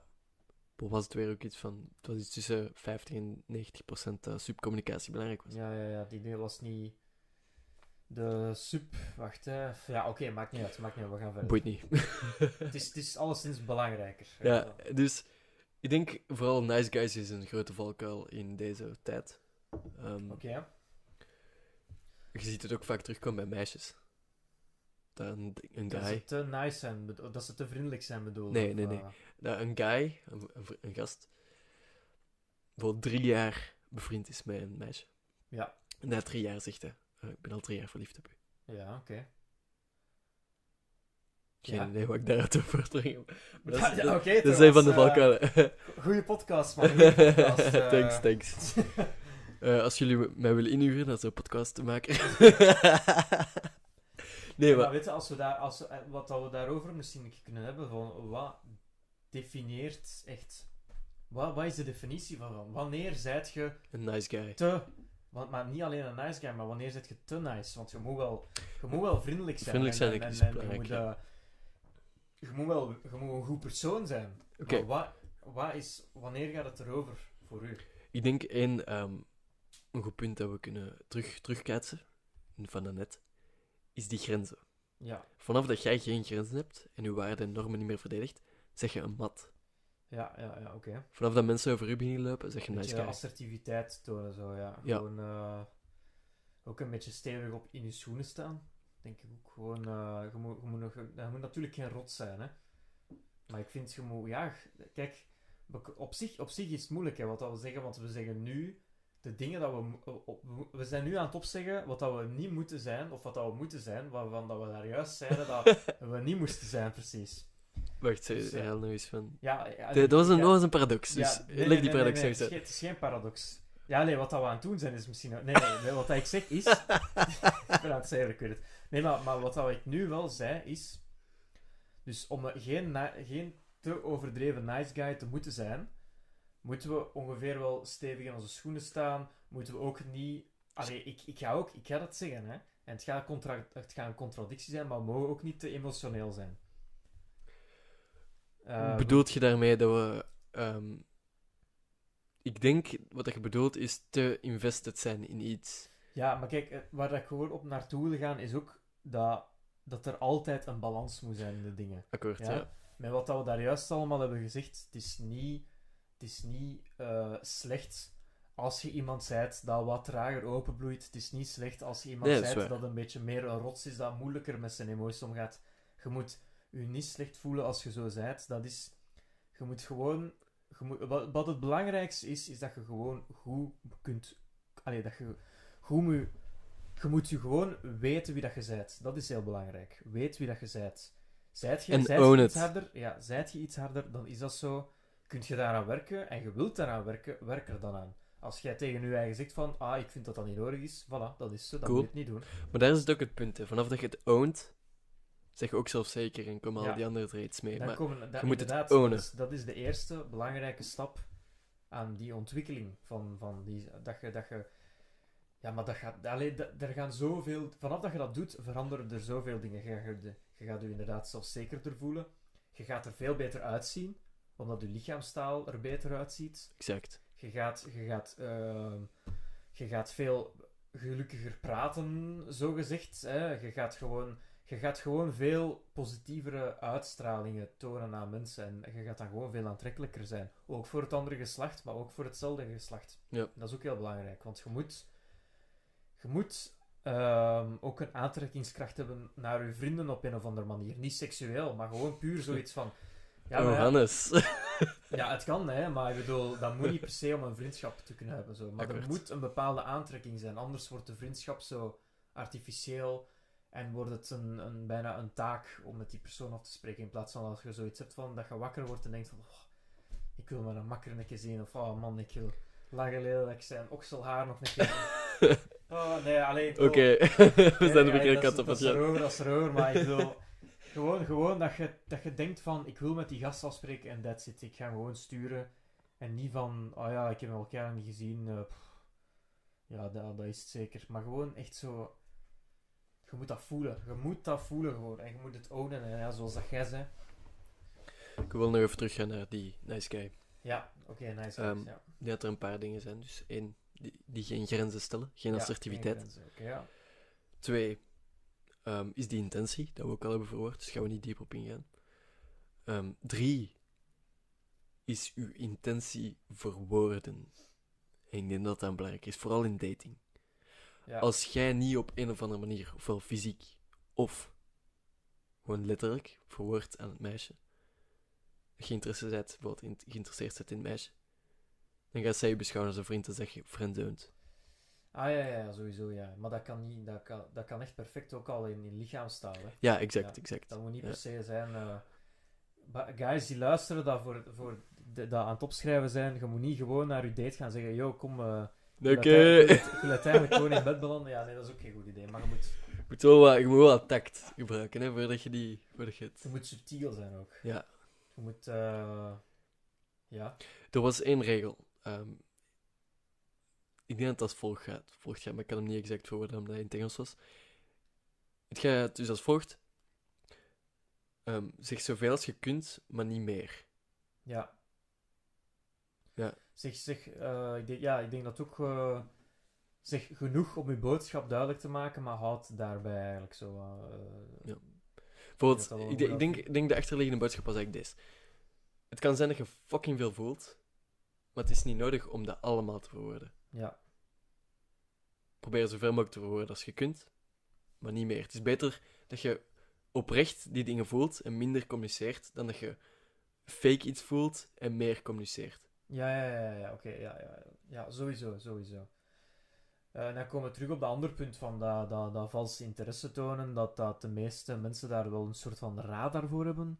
Ja. Dus dat, dat, dat uit zich wel op lang termijn, hè. Ik bedoel, ja, als je echt geen interesse hebt in iemand en je zit drie dates lang te zeggen van, oh ja, ik, ik zie je zo graag, ik heb je zo graag. Ja, na, na een half jaar voel het wel, hè.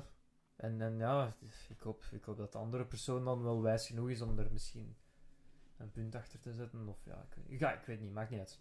Het is gewoon, ehm, het, dat gaat zich wel manifesteren op een bepaalde manier als je emoties niet echt zijn. En je, je uit ze wel op een, op een valse manier. Akkoord. Oké, nog eens eh, nog eh, iets van Nice Guys? Eh, ik denk nee, dat- maar ik had wel nog iets anders van wat ik wel denk voor mannen in het algemeen dat belangrijk is. Dus, naast kwetsbaarheid en grenzen stellen, is het ook belangrijk dat je innerlijke zelfzekerheid opbouwt. Ja, ja. Zo waar wij mannen heel sterk in zijn, is externe zelfzekerheid opbouwen. Auto's, ja. job, carrière, Spieren. spieren. En wauw, ik heb altijd boeren. Laatste tijd. Minder thee drinken, joh. Minder thee drinken, ja. Maar thee is zo lekker. Dit is gesponsord door Noenthee.be. Ja.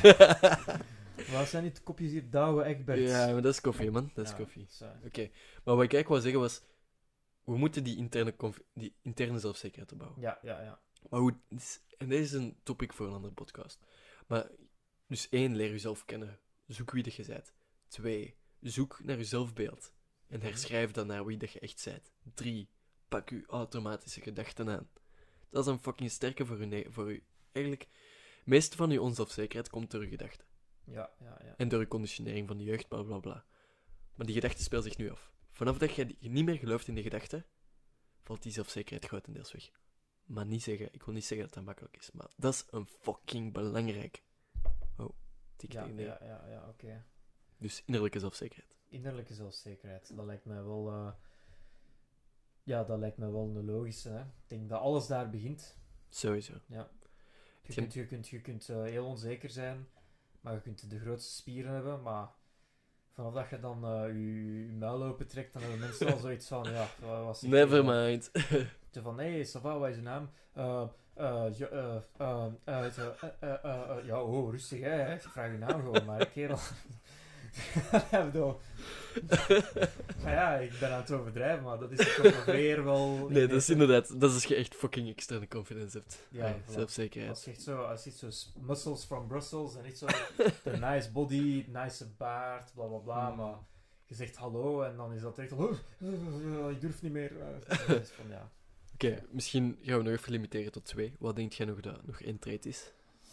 Van een nice guy. Oh, Nee, nee, niet van nice guy, van een goede ontwikkelde man. Een goede ontwikkelde man. Ehm, ik vind dat. Goh, dan moet wel even nadenken. Oké, ik ga gewoon. Anders gooi ik er nooit niet- bij. ik, ga, ik ga niet te veel proberen na te denken. Wacht, hè. Ik vind dat een goede ontwikkelde man wel ook een, ehm, een sterk sociaal netwerk heeft. Ja, goede vrienden. Eh, ja, goede vrienden. Ehm, dat, hij, dat hij niet... Ik zeg niet dat hij niet afhankelijk mag zijn, maar hij mag niet alleen afhankelijk zijn om te praten over dingen met zijn vriendin. Ik vind dat er ook andere Same, mensen moeten zijn dat, dat, dat, dat die rol kunnen opnemen. En ook andere mensen dan familieleden. Ehm, dus ik vind, eh, ik vind een, ja, een sterk sociaal netwerk zeker een belangrijke eigenschap van een man. Omdat dat ook... ehm, ja, dat, dat, dat heeft ook al veel te maken met zelfzekerheid en zo. Hè. Iemand dat heel onzeker is, gaat minder kans hebben op een sterk sociaal netwerk, denk ik.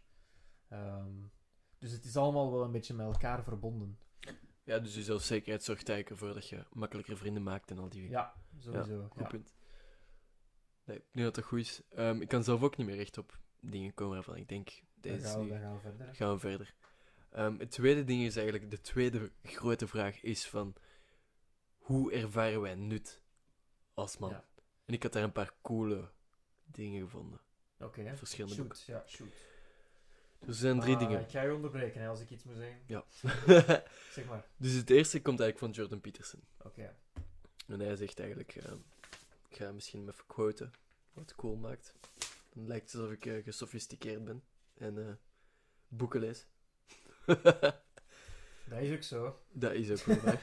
Dus ja, Dank u eh, voor de bevestiging. Ehm, wacht, hè, we zitten hier bij pagina 10. We moeten bij pagina 9 zijn. Ja, hier. Oké. Dus eigenlijk, Jordan Peterson zegt deze. In het eh, Westen zijn we eigenlijk altijd weggestapt van traditie, religie, natie en onze waarden. Hè? En dus we zijn dat gaat gevallen van meaninglessness. Oké, maar dat, is, dat het punt. Oké. En wat zegt hij nu eigenlijk als oplossing? We moeten eigenlijk iets vinden waar dat wij bereid zijn om voor te lijden en de grootste verantwoordelijkheid voor te nemen. mhm. Iets in deze wereld Ja. waar wij van denken, deze is waar ik fucking wil voor staan. Ja. Het kan bijvoorbeeld mij zijn nu deze podcast, bijvoorbeeld mannen helpen om de beste versie van zichzelf te worden. Ja. Dat kan mijn rol zijn in deze maatschappij. Niet dat ik het al heb gevonden, maar deze is momenteel mijn rol. Ja, ik denk dat bij veel mensen dat zich uit tot kinderen. Ja, kinderen is een, eh, een heel belangrijke. Ja, en dat dat een van de belangrijkste, meest voorkomende manieren is om zo wat die, die eh, meaninglessness, meaninglessness op te vullen. Maar ik denk dat dat ook een valkuil is. Nee, ja. Omdat ehm, veel mensen misschien iets te veel eh, aan kinderen beginnen voor die reden. Omdat ze denken van, ja, ik voel mij zo leeg en er mist iets in mijn leven. Dus we beginnen aan kinderen om dat op te vullen. En niet we beginnen aan kinderen omdat we echt die persoon willen verzorgen, omdat we er klaar voor zijn, maar meer puur vanuit hun eigen Ik mis iets en ik wil het opvullen. Voilà. Maar ik denk dat dat... Dat is een heel harde valkuil van ons in het Westen. Hè? We hebben er heel veel eigenlijk. Hè? We hebben die kinderen, Ja, ja, ja, sowieso. we hebben de sowieso. carrière, Ja. we hebben liefde. ja. Liefde is ook een van de fucking grootste valkuilen van opvullen van die meaninglessness, Ja, van die leegte, die nutteloosheid. Niet dat het niet mag, hè. Nee, nee, sowieso niet. Kijk, het is ook niet fout om te denken van ik wil aan ki- een kind beginnen, want ik voel me wel een beetje leeg. Maar het, het- de valkuil is vooral als dat uw enige motivatie is. Akkoord. Ehm, want ik heb het al vaak gezegd tegen u, ik, heb, ik zeg het ook vaak tegen andere mensen, ik vind dat veel te veel mensen aan kinderen beginnen en er nog niet klaar voor zijn. Allee, nog niet klaar voor zijn in de zin van, kijk, de meeste mensen, allee, zelfs goede ouders zeggen van, je kunt er nooit klaar voor zijn. Je weet niet wat dat is om een kind te hebben. Dus je kunt er nooit volledig klaar voor zijn. Maar ik vind nog altijd dat ouders, dat er ouders zijn die aan kinderen beginnen en toch toch niet die competenties bezitten, van, die competenties bezitten om er aan te beginnen. Dat is misschien heel ja, een beetje hoog uit het bolletje gegrepen van mij. zo van, oh ja, maar ik zou het ook nog niet kunnen. Ik ben 24. En wij zijn ervoor opgeleid, Dus ja, ja, ja, on- ja, ongeveer. Ja, opvoeders al. technisch gezien. Ja, op papier. Hè. We hebben, ehm, maar ik zou het nog niet kunnen. Eh, ik zou het ook nog niet willen. Maar het ding is, mijn, mijn ma had al een kind. Hij was al getrouwd. Uw ma... Ja, beide eigenlijk, uw ouders gewoon. Eh, ja, mijn pa is vier jaar ouder. Dus mijn Ah, pa was 28 toen dat hij eh, Sander kreeg. Dus, ehm, maar mijn ma had al, eh, dus op mijn leeftijd al een kind. Of was zwanger, alleszins. En wat zeg je nu? Gewoon even voor Perspectief. 24, ja. fucking hell. Zot, hè? Ehm, ja, en ik, ik heb een vriend en die, eh, die, zijn, die zijn mama was zwanger van hem toen, toen ze 16 was, denk ik. We gaan straks trouwens een beetje terugkomen op die, die druk die vrouwen hebben om een, een kind te maken. Want vrouwen zijn minder lang, hebben minder lang de mogelijkheid om ja, vruchtbaar te zijn. ja. Oké, maar daar gaan we straks op terugkomen. Maar is dat, is, dat, is dat nodig? Is dat misschien interessant voor een ander? Dat is eh, interessant voor hoe trek ik het andere geslacht aan. ah, ja, ja, oké, oké. Maar daar komen we straks op terug. Ja. Ehm, dus eigenlijk, er waren twee... Dus die verantwoordelijkheid opnemen. Iets kiezen wat dat jij wilt in het leven. Maar ik vind alles wat extern is van jezelf, of ehm, wat daar ge- gericht is op, op een andere persoon, carrière, of eh ik weet niet, geld of zo, I don't know. Is heel makkelijk om, om weg, te, weg te vallen. Je, je, je leunt eigenlijk op, een, op iets wat, wat kan instorten. Bijvoorbeeld geld kun je verliezen. Uw kind kan u verlaten en u haten voor de rest van uw leven. Uw vrouw kan sterven. Het zijn allemaal dingen waar, de, waar je... Uw carrière kan ook vernietigd worden. Ja. Dus er waren een paar dingen die terugkwamen bij het onderzoek. En waar ik denk ik ook zelf mee in overeenstemming ben. De eerste is purpose. ja, je moet eh, ja, betekenis. Ja, een soort Ja. van uw missie vinden in het leven. Ja, inderdaad. Wat is hetgene dat je echt wilt ik doen? denk, ik denk dat purpose en missie nog iets anders is. Omdat je, hebt, je kunt purpose hebben, maar die purpose... Allee, als, dat is betekenis dus, hè? Ik weet niet, De letterlijke vertaling... Nee, de- Ah, nee, nee, nee. denk nee, ik nee, niet. Purpose is... Purpose is lot, eh, denk ik. Is niet dat? eh, ah, damn. Ik denk, wacht, wacht, kijk. Ik zal mijn gsm er even bij halen. Ik pak Ja. een Google Translator bij. Purpose. dan, dan zoeken we even de beste. Beste betekenis. zo reden? reden Eh, zou kunnen, zou kunnen. Wacht, kijk. Laten we het er gewoon even bij. Daniel, eh, een goede vriend van mij, is deze, deze naar je toegestuurd. Sorry dat we zo aan het sukkelen zijn met, met, het, met het vertaling. Doel. Doel, ja, oké, doel. Bedoeling. Dus, Doelstelling. Oké, ja, doel en en- missie, ja, oké. oké. Dus soort van gelijk. ja, het is, het is niet helemaal, gelijk, maar- ja. Maar mijn missie bedoel ik echt van... ehm, diep van binnen heb je een stem in u en je weet dat je iets moet doen. Mhm. Bijvoorbeeld bij u kan dat richting film zijn. Ergens in de film zit uw lot. Tot nu toe. Ja, Daarmee bedoel ik niet God of zo. We, brengen er geen God bij. Maar je hebt ergens het gevoel wat dat jij moet doen. En dat kan zijn dat je dat op jonge leeftijd hebt gehad. Dat kan zijn dat je later in je leven gaat krijgen van... Oké, deze is hetgeen wat ik wil doen met mijn leven. Voor bij mij is dat ergens in de zelfontwikkeling. Life coaching is momenteel dingen waar ik denk dat dat mijn lot van is. een vriend van mij is eh, van in het middelbaar al 100% zeker dat hij leerkracht lager onderwijs wou doen. Hij is ervoor gegaan, hij doet het nu, hij, hij is echt heel gelukkig. dus ja, dat kan echt, dat kan zich op alle vormen manifesteren. Het moet niet altijd, het moet niet altijd iets spectaculair zijn, het moet niet altijd iets eh, niet conventioneel zijn. Dat kan echt heel simpele dingen zijn. Het Dus- kan zijn dat jij bakker wilt worden. ja, voilà, Perfect. dat is echt ideaal. probleem is, je zegt, je hebt dat stemmetje, maar ik denk dat sommige mensen, ze hebben het misschien, maar ze horen het niet. Of, of eh, Ja, zou kunnen. ja. Eh, dat ze, want eh, dat, dat is een van de redenen waarom dat die, dat die meaninglessness bestaat. Is dat veel mensen gewoon niet weten wat dat ze willen doen. Of Ja, niet weten van, Veel mensen zitten ook in gewoon die, die red race, zo. Gewoon lopen naar, naar, blijven lopen. Daarmee bedoel ik eigenlijk van... De meeste mensen zijn eigenlijk bezig met het streven naar doelen. Het, het, het proberen halen van deze moeten bereiken, deze moeten bereiken, deze moeten doen. Nu moeten we naar deze land gaan op reis, bla bla bla. Maar meestal staan ze te weinig stil om te luisteren wat er in hun innerlijke gebeurt. Ja, ja, Bijvoorbeeld als ik dan vaak naar die mindfulness sessies ga en je ziet daar mensen voor de eerste keer in contact komen met meditatie. En dan hoort, horen ze voor de eerste keer dat kritisch stemmetje in hun hoofd, dat constant zegt dat ze van hier naar daar moet lopen. Opeens raken die mensen in shock en zeggen van, what the fuck, heb ik deze nu net opgemerkt? Of heb ik het beperkt opgemerkt? Bijvoorbeeld ook, vanaf, daarom dat ik bewustzijn ook zo belangrijk vond bij mannelijke ontwikkeling. Vanaf dat je bewust wordt van wie dat je bent en wat er in je innerlijke speelt, kun je veel makkelijker kijken naar wat dat je ook wilt doen met je leven. Ja, ja, ja, sowieso, ja. Ja, daar ben ik volledig akkoord mee. Ehm, maar dat is gewoon eh, een moeilijke, moeilijk pad om te vinden, hè. Sowieso. Ja. En Robert Greene eh, in zijn boek zei van, je moet eigenlijk teruggaan naar je jeugd, kijken wat je daar graag deed, en zien of dat er ergens in je jeugd een stemmetje was wat dat jij wou doen later. Maar, je kunt ook gewoon dikke pech hebben dat dat niet, nooit is gekomen of zo.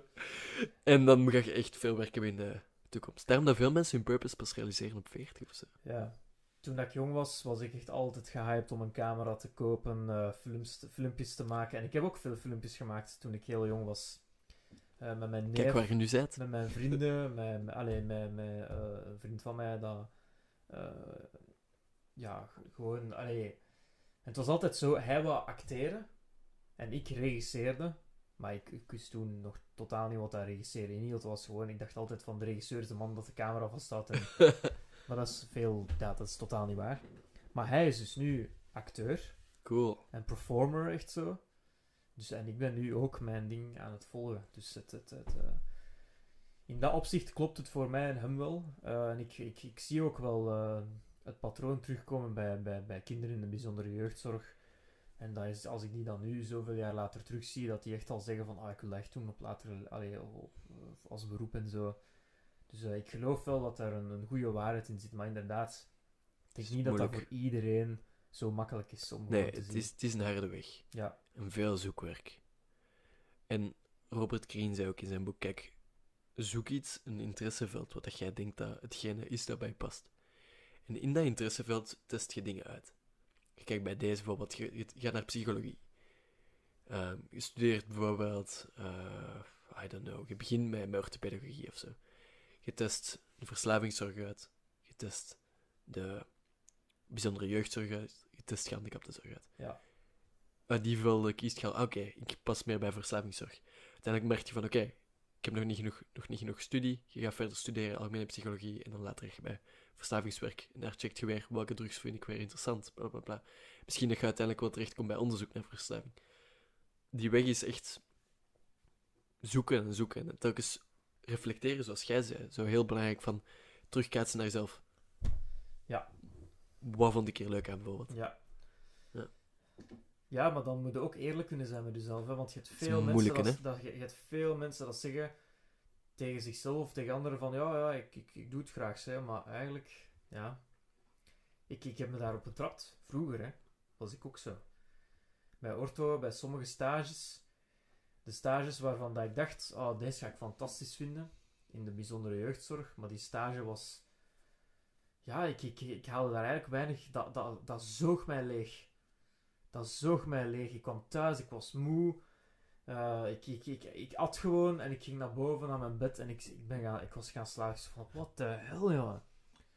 En ik dacht altijd van, dat gaat wel beter, dat gaat wel beter. Maar ik heb ook een keer een weekstage gedaan met mensen met een ehm, licht fysieke en licht mentale beperking. En ik dacht van, oh, ik ga dat zo haten.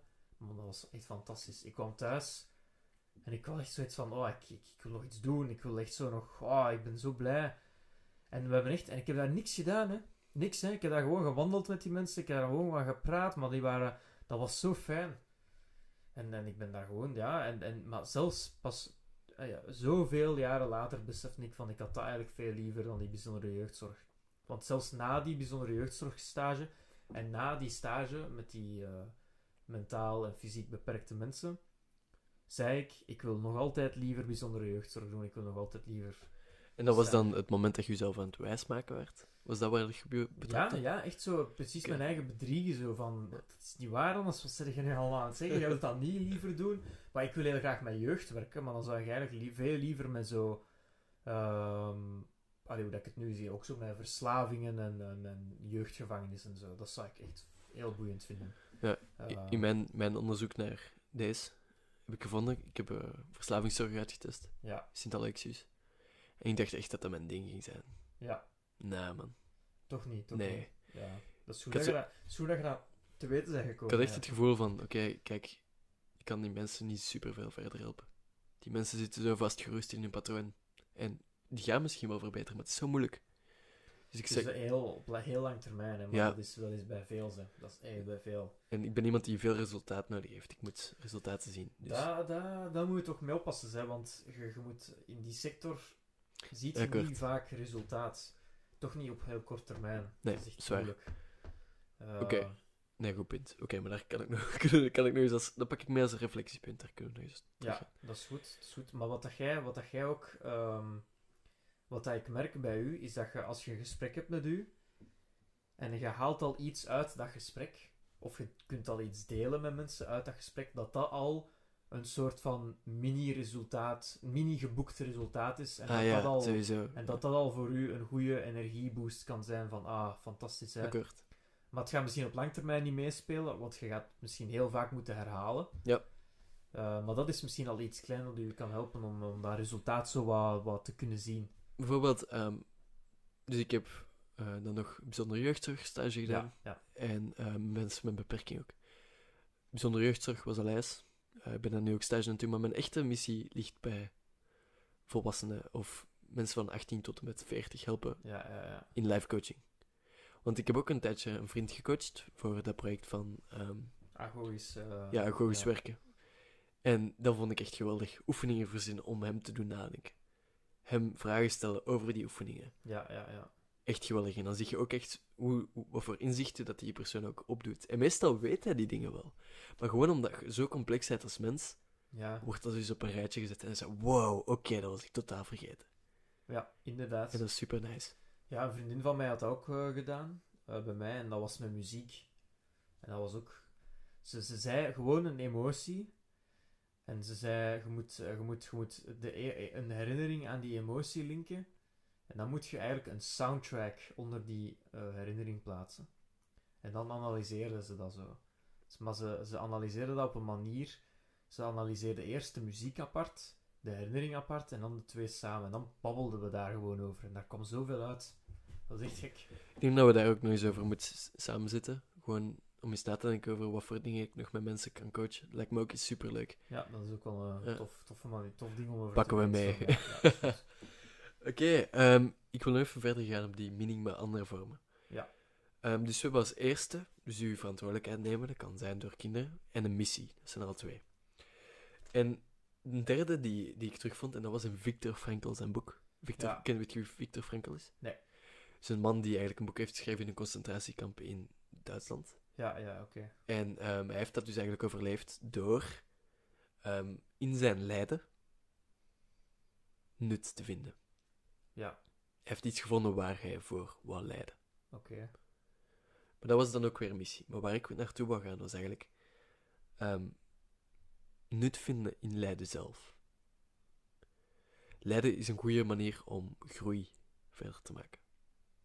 En je kunt, zou ik zeggen, door lijden ook veel reflectie in jezelf vinden. Maar je zou ook kunnen zeggen van, lijden is de perfecte manier om te observeren dat jij in je gedachten bent, plus je lichaam. Dat gaat diep. Dat, gaat... Dat is wel een harde, ja. Maar uh, dus lijden zou je ook een... Ja, je moet, je moet het nog wat meer specificeren. want Oké, ben dus kijk, helemaal mee. ik ben niet bijvoorbeeld. helemaal mee. Ehm, stel... Ik ben even een goed voorbeeld aan het zoeken, hè. Ik weet niet, stel, ik ga het oppervlakkig maken, want we gaan niet te hard in deze dingen Ja, gaan. ja, ja. Stel, je hebt een relatie van vijf jaar. ja. En die vriendin maakt het uit. Ja. En je zit met al die bullshit. Dat is lijden. Ja. Die break-up. Vanaf dat je ehm lijdt, komen er veel gedachten van, oh, ik ben waardeloos. Er komen ook veel Mhm, pijnlijke emoties. Maar vanaf dat je kunt zien dat jij niet die gedachte bent, en loskomt van die gedachte, zie je dat jij de observeerder bent van de gedachte. Wacht, Dat is, dat is een moeilijke. Oké, maar dat, dat gaat, komt terug uit van de mindfulness. En komt Ja, terug van, eigenlijk, je bent altijd een neutrale observator van de gedachten en emoties. Maar je identificeert je met gedachten en emoties. Oké. Het cool eraan is, je kunt leren die te observeren. Dus als je gaat zitten op een stoken, de eerste, het eerste wat je leert in meditatie eigenlijk, ik heb geen fucking controle over mijn gedachten, ook al denkt je dat. Ja. Dat is een supercoole realisatie. Want het beseft dat je geen slaaf meer bent van de gedachten. Je kunt wel op een manier... Het is echt belachelijk wat ik ga zeggen, maar oké. Je kunt op een manier controle hebben over je gedachten. Als je aan iets nieuw wilt denken, moet je gewoon altijd zeggen, denk niet aan een aap. En dan denk je aan een aap. Ook al is dat de bedoeling, dat je aan een aap denkt. Oké. Oké.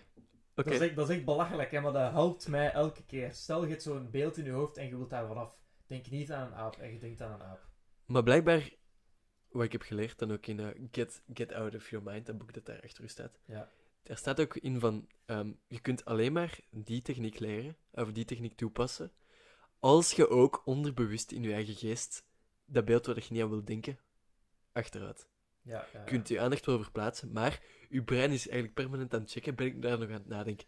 ja, dus eigenlijk onderbewust zit het nog altijd in je brein. Het, ja, het gaat er wel nog altijd in zitten, inderdaad, maar het beeld gaat... Ja, dus eigenlijk zo, Dat je er niet meer zo afhankelijk van. Ja, Mindfulness leert dat je dan, in plaats van wat dat jij zegt, is van oké, kijk, ehm, denk, denk niet aan een koe. ja, je Denk denkt niet aan de koe. Je zit bijvoorbeeld aan de kant tussen, eh, je zit op een, op een weg, en dat is allemaal auto's. Ja, En eh, boven u, op die weg, vliegt een, vliegt een vliegtuig. Maar je vindt dat geluid afschrijselijk.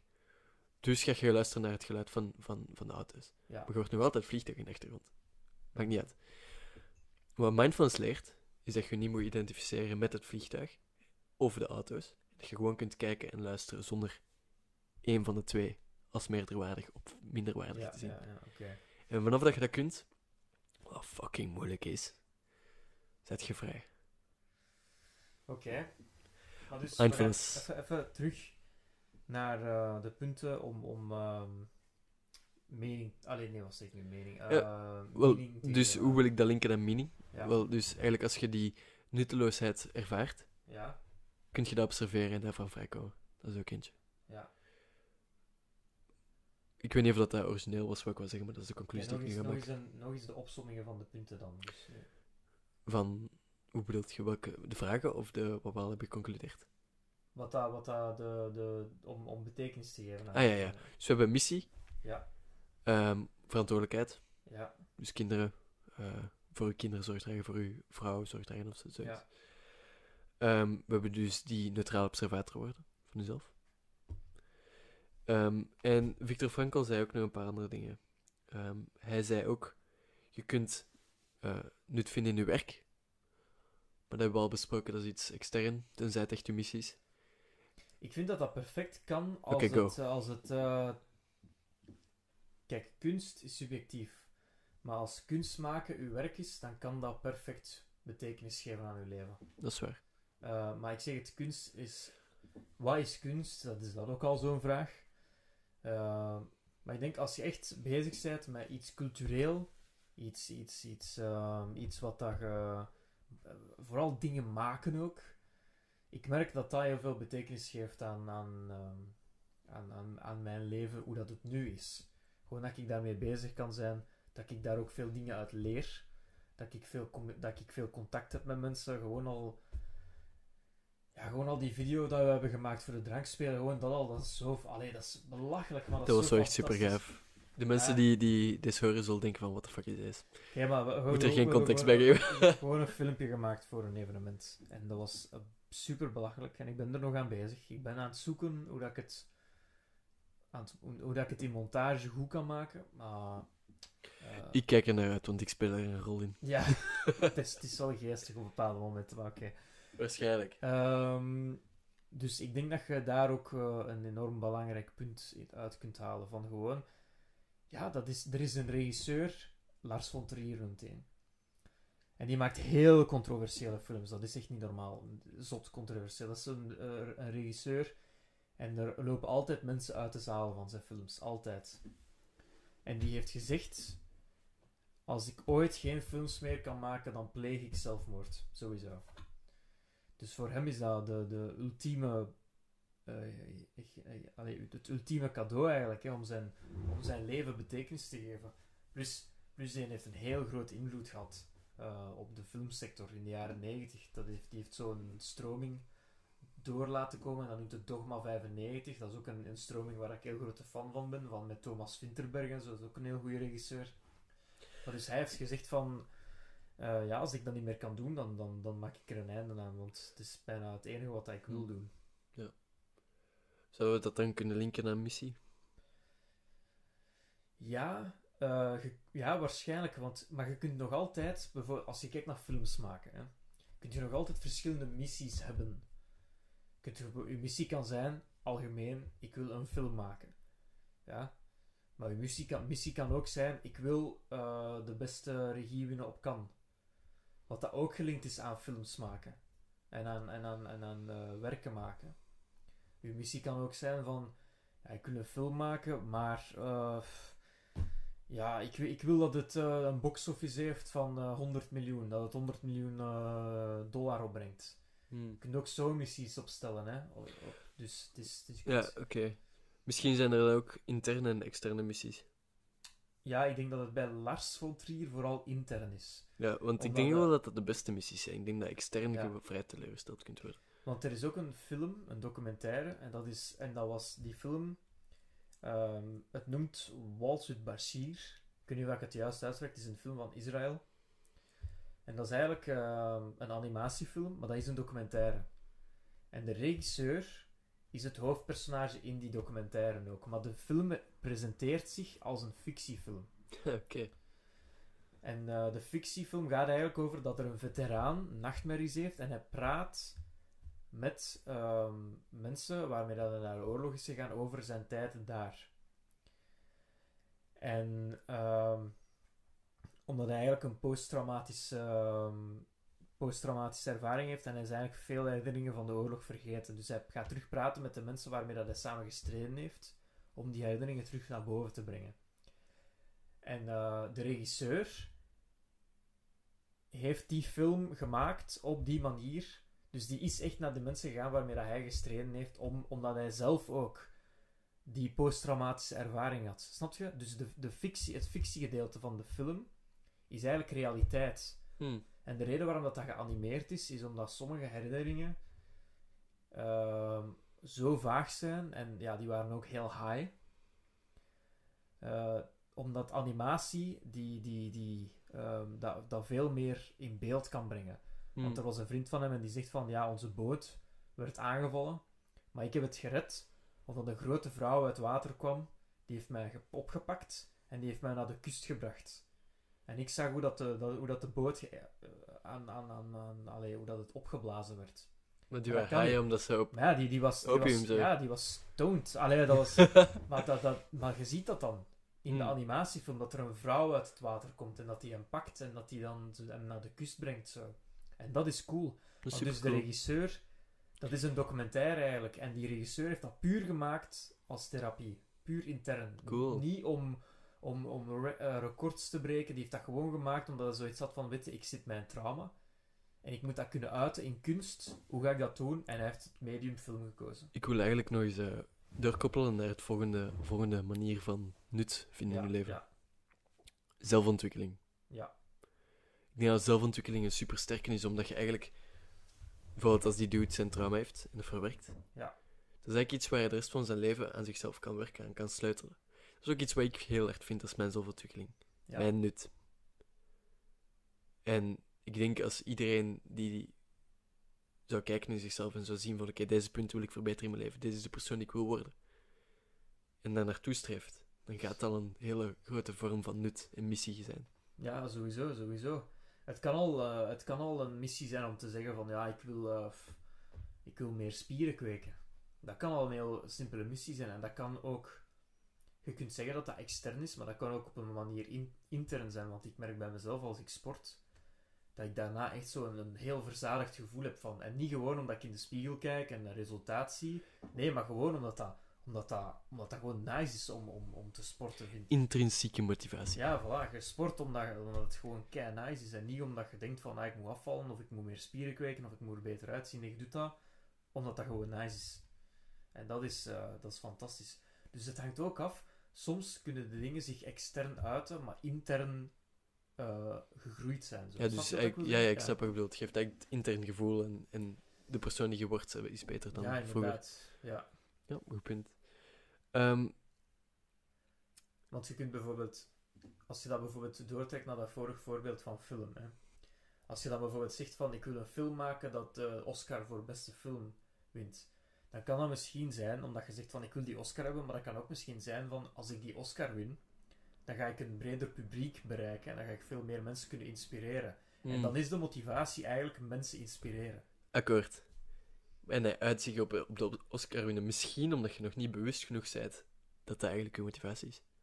Misschien, ja, ja, inderdaad. kunnen. Dus, dus je kunt het altijd wel op een andere manier doortrekken, maar dat, dat, moet, je, dat moet je zien uit jezelf. Dat is echt, Ja. dat kun je nooit, je kunt dat nooit als extern persoon zeggen voor iemand anders te zijn dat je echt heel goede gesprekken voert met die persoon en echt zo therapeutisch bezig bent bijna.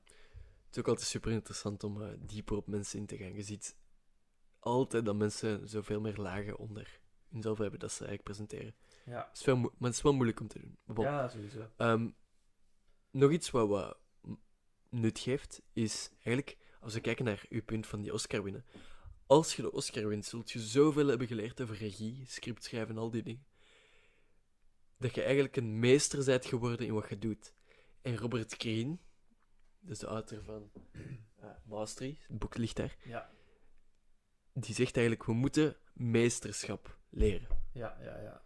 We moeten een skill pakken waardoor we de beste willen worden in de wereld. Ja, En vanaf dat we dat doen, wordt dat ook weer ons nut. ja, inderdaad. Dus die Oscar winnen, kun je meester worden in film maken.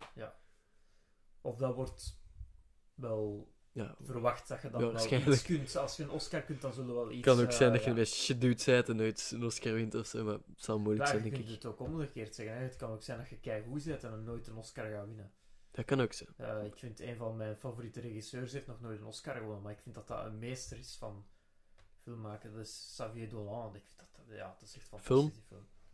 Eh, ja, dat is niet echt zo'n bekende films, hè. Mommy. Geen idee. Ik vind iedereen dat ortho studeert, moet die film kijken.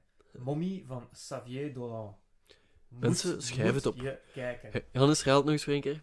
Mommy van Xavier Dolan. Ik ga trouwens in de beschrijving ook verschillende films zetten die Hannes al heeft benoemd, want we hebben hier een hele lijst aan films, hè. ja, inderdaad. Dus daar kunnen we doortrekken. Maar Ja. ik denk, als we dit punt van de nut afronden... Ja, dan kunnen we misschien nog ik- een keer een ja. pauze nemen. Of eh, gaan we doorgaan of tot het- de ik twee denk, uur mark? Ja, dat lijkt me wel chill. Ja, oké, check. Ja, we zullen doorgaan. Ehm, nu zijn eigenlijk bij het laatste. Laatste vraag. Oké. Hoe trekken we het andere geslacht aan? Ik denk dat deze vooral doorkomt omdat we vrouwen die vrouwenemancipatie hebben gekregen, wat heel goed is voor de vrouwen, zodat Ja, we ja, geen haat sowieso, krijgen. sowieso. Of we geen haat krijgen op deze podcast. nee, maar, ehm,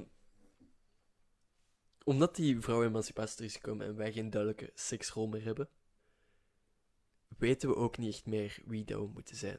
Of wie...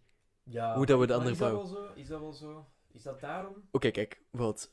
Ik denk wel dat dat zo is, want anders zou bijvoorbeeld RSD en al die pick-up communities niet zo'n grote aandacht krijgen. Je kunt wel zeggen dat een klassieke rol wegvalt. Ja.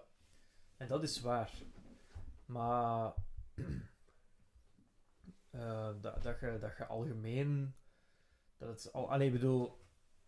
We zitten natuurlijk. Kijk, de vrouwenemancipatie, wanneer is dat tot stand gekomen? Echt. De, de- 50, 60, ja. nee, nee, minder, minder. 30, 40? Eh, 50. als ik me niet vergis, dat mochten vrouwen grond bezitten en stemmen rond de jaren 10. Hm. Eh, en dan zo wat de 50s, 60s hebben zo wat eh, gelijk, eh, gelijk betaald of zoiets. Of, of, Misschien moeten we dat ook nog eens opzoeken, want dat weet ik niet seks- ja, exact. inderdaad. Maar oké, ik denk, als je zegt 60s, dat is wel eh, waar, waar dat seksualiteit in het algemeen ook wel veel vrijer werd. Dus, eh, en waar dat scheidingen ook veel meer voor be- begonnen te komen. Ik denk dat er een paar ehm, dingen zijn. Dus één, omdat ze gelijk geld hebben, zijn vrouwen niet meer afhankelijk van ons om het geld te verdienen. Dat is één. Twee, je zou kunnen zeggen door die, door die seks, seks, dat ze nu veel meer seks kunnen hebben, Ja. Kunnen ze ook veel meer partners hebben. Mhm. Wat er ook voor zorgt dat ze, volgens mij, hypothetisch gezien, een grotere keuze hebben van wie dat ze, met wie dat ze eindigen. Ja, Wat denk je? maar dat was... ehm, was dat ervoor ook al niet? Allee, de mannen zijn altijd de jagers geweest. En de vrouwen waren altijd degene dat zo wat meer... De, de, de, allee, vroeger zelfs nog meer, denk ik. Zo wat, zij waren eigenlijk... Zij moesten eigenlijk de deur openen.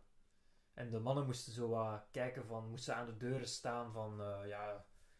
eh, zo, allee, het, waren, het waren altijd de mannen die letterlijk aan de deur stonden om de date op te halen. En bla bla bla. Dus ik denk dat dat wel... eh, dus ik denk... En ik denk wel dat dat vandaag nog altijd zo is. Maar inderdaad, Misschien lichtere mate. zei, lichtere mate. Maar ik denk nog altijd wel aanwezig. Omdat je kijkt naar... Ja, het, is- is, het is een onderdeel van uw podcast. Hè. Hoe trekken we ze aan? Omdat we, ja, omdat we zogezegd de jagers zijn. Allee, maar allee, ik denk dat vrouwen daar natuurlijk ook wel mee bezig zijn. Hè, van hoe moeten we mannen aantrekken en zo. Maar het is gewoon, ik denk dat...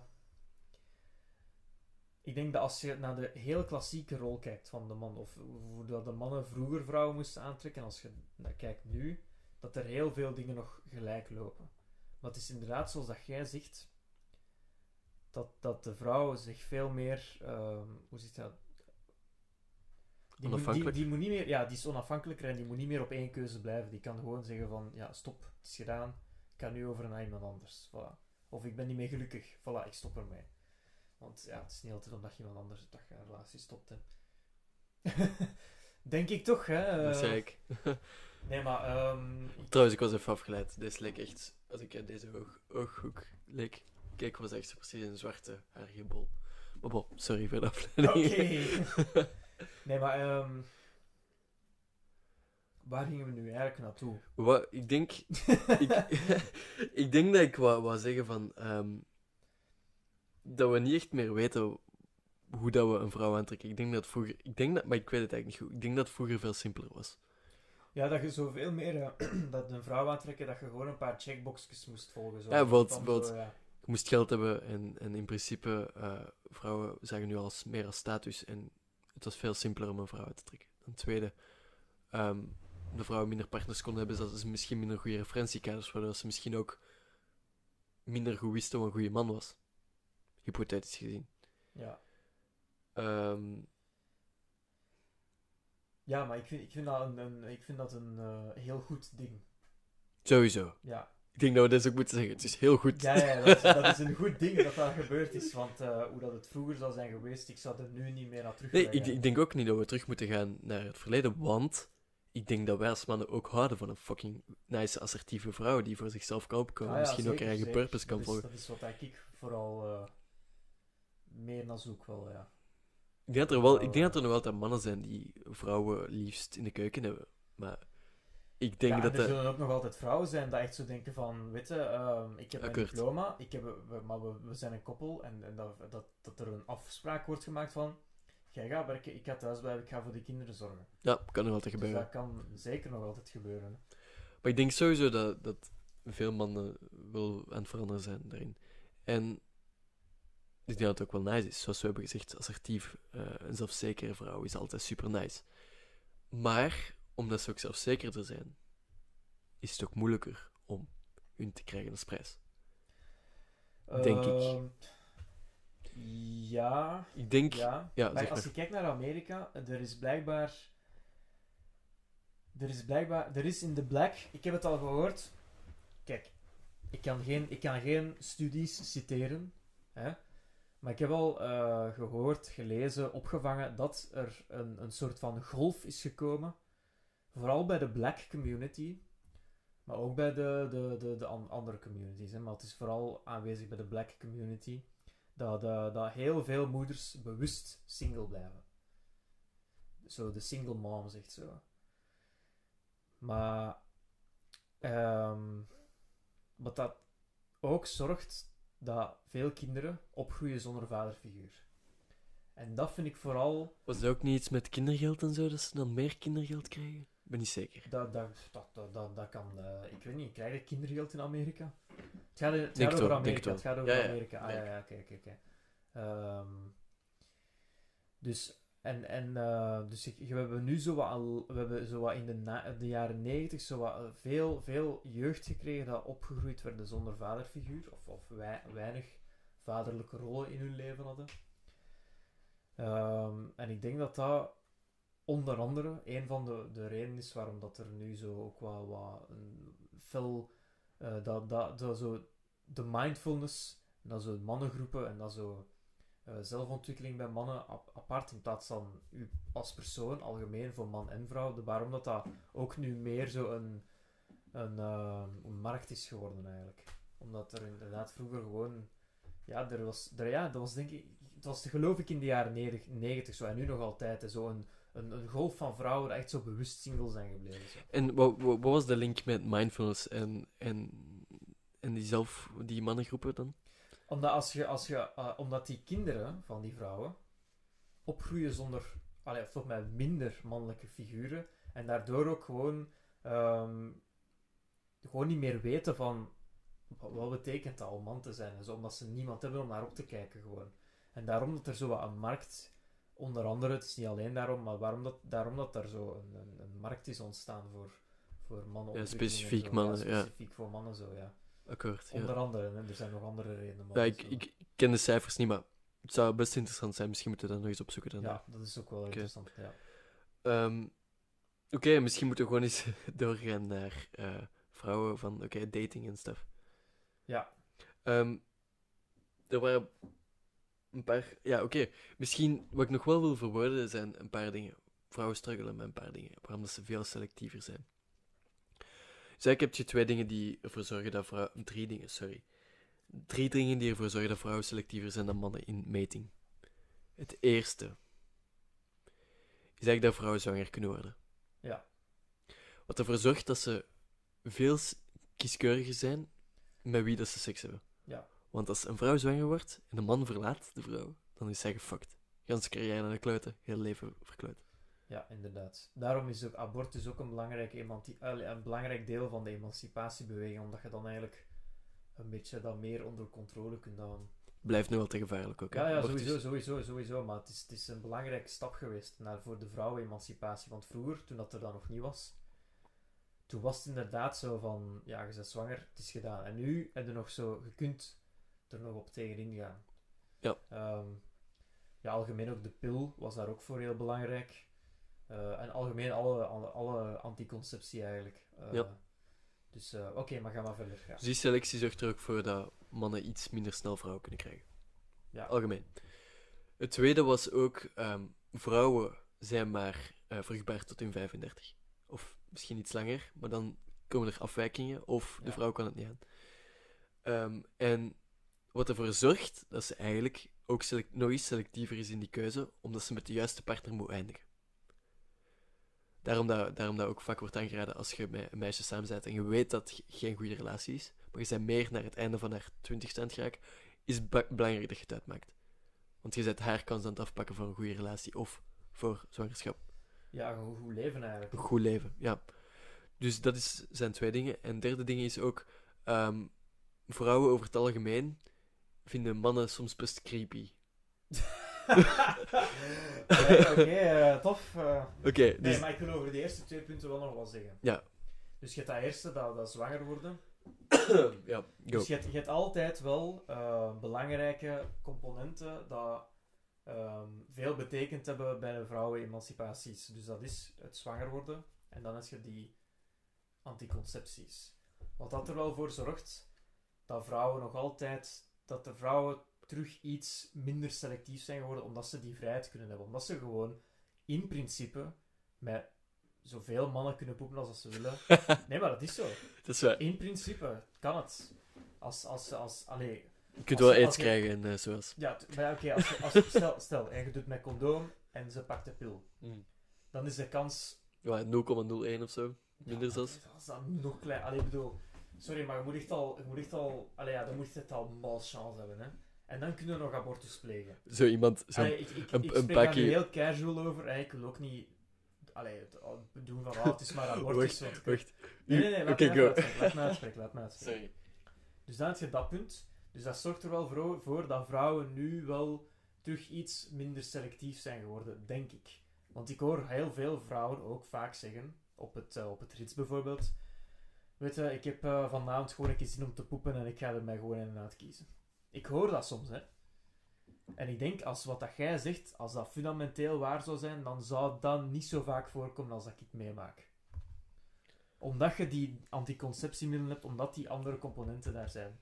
Oké, maar, oké, maar wacht. Als we daar even op teruggaan.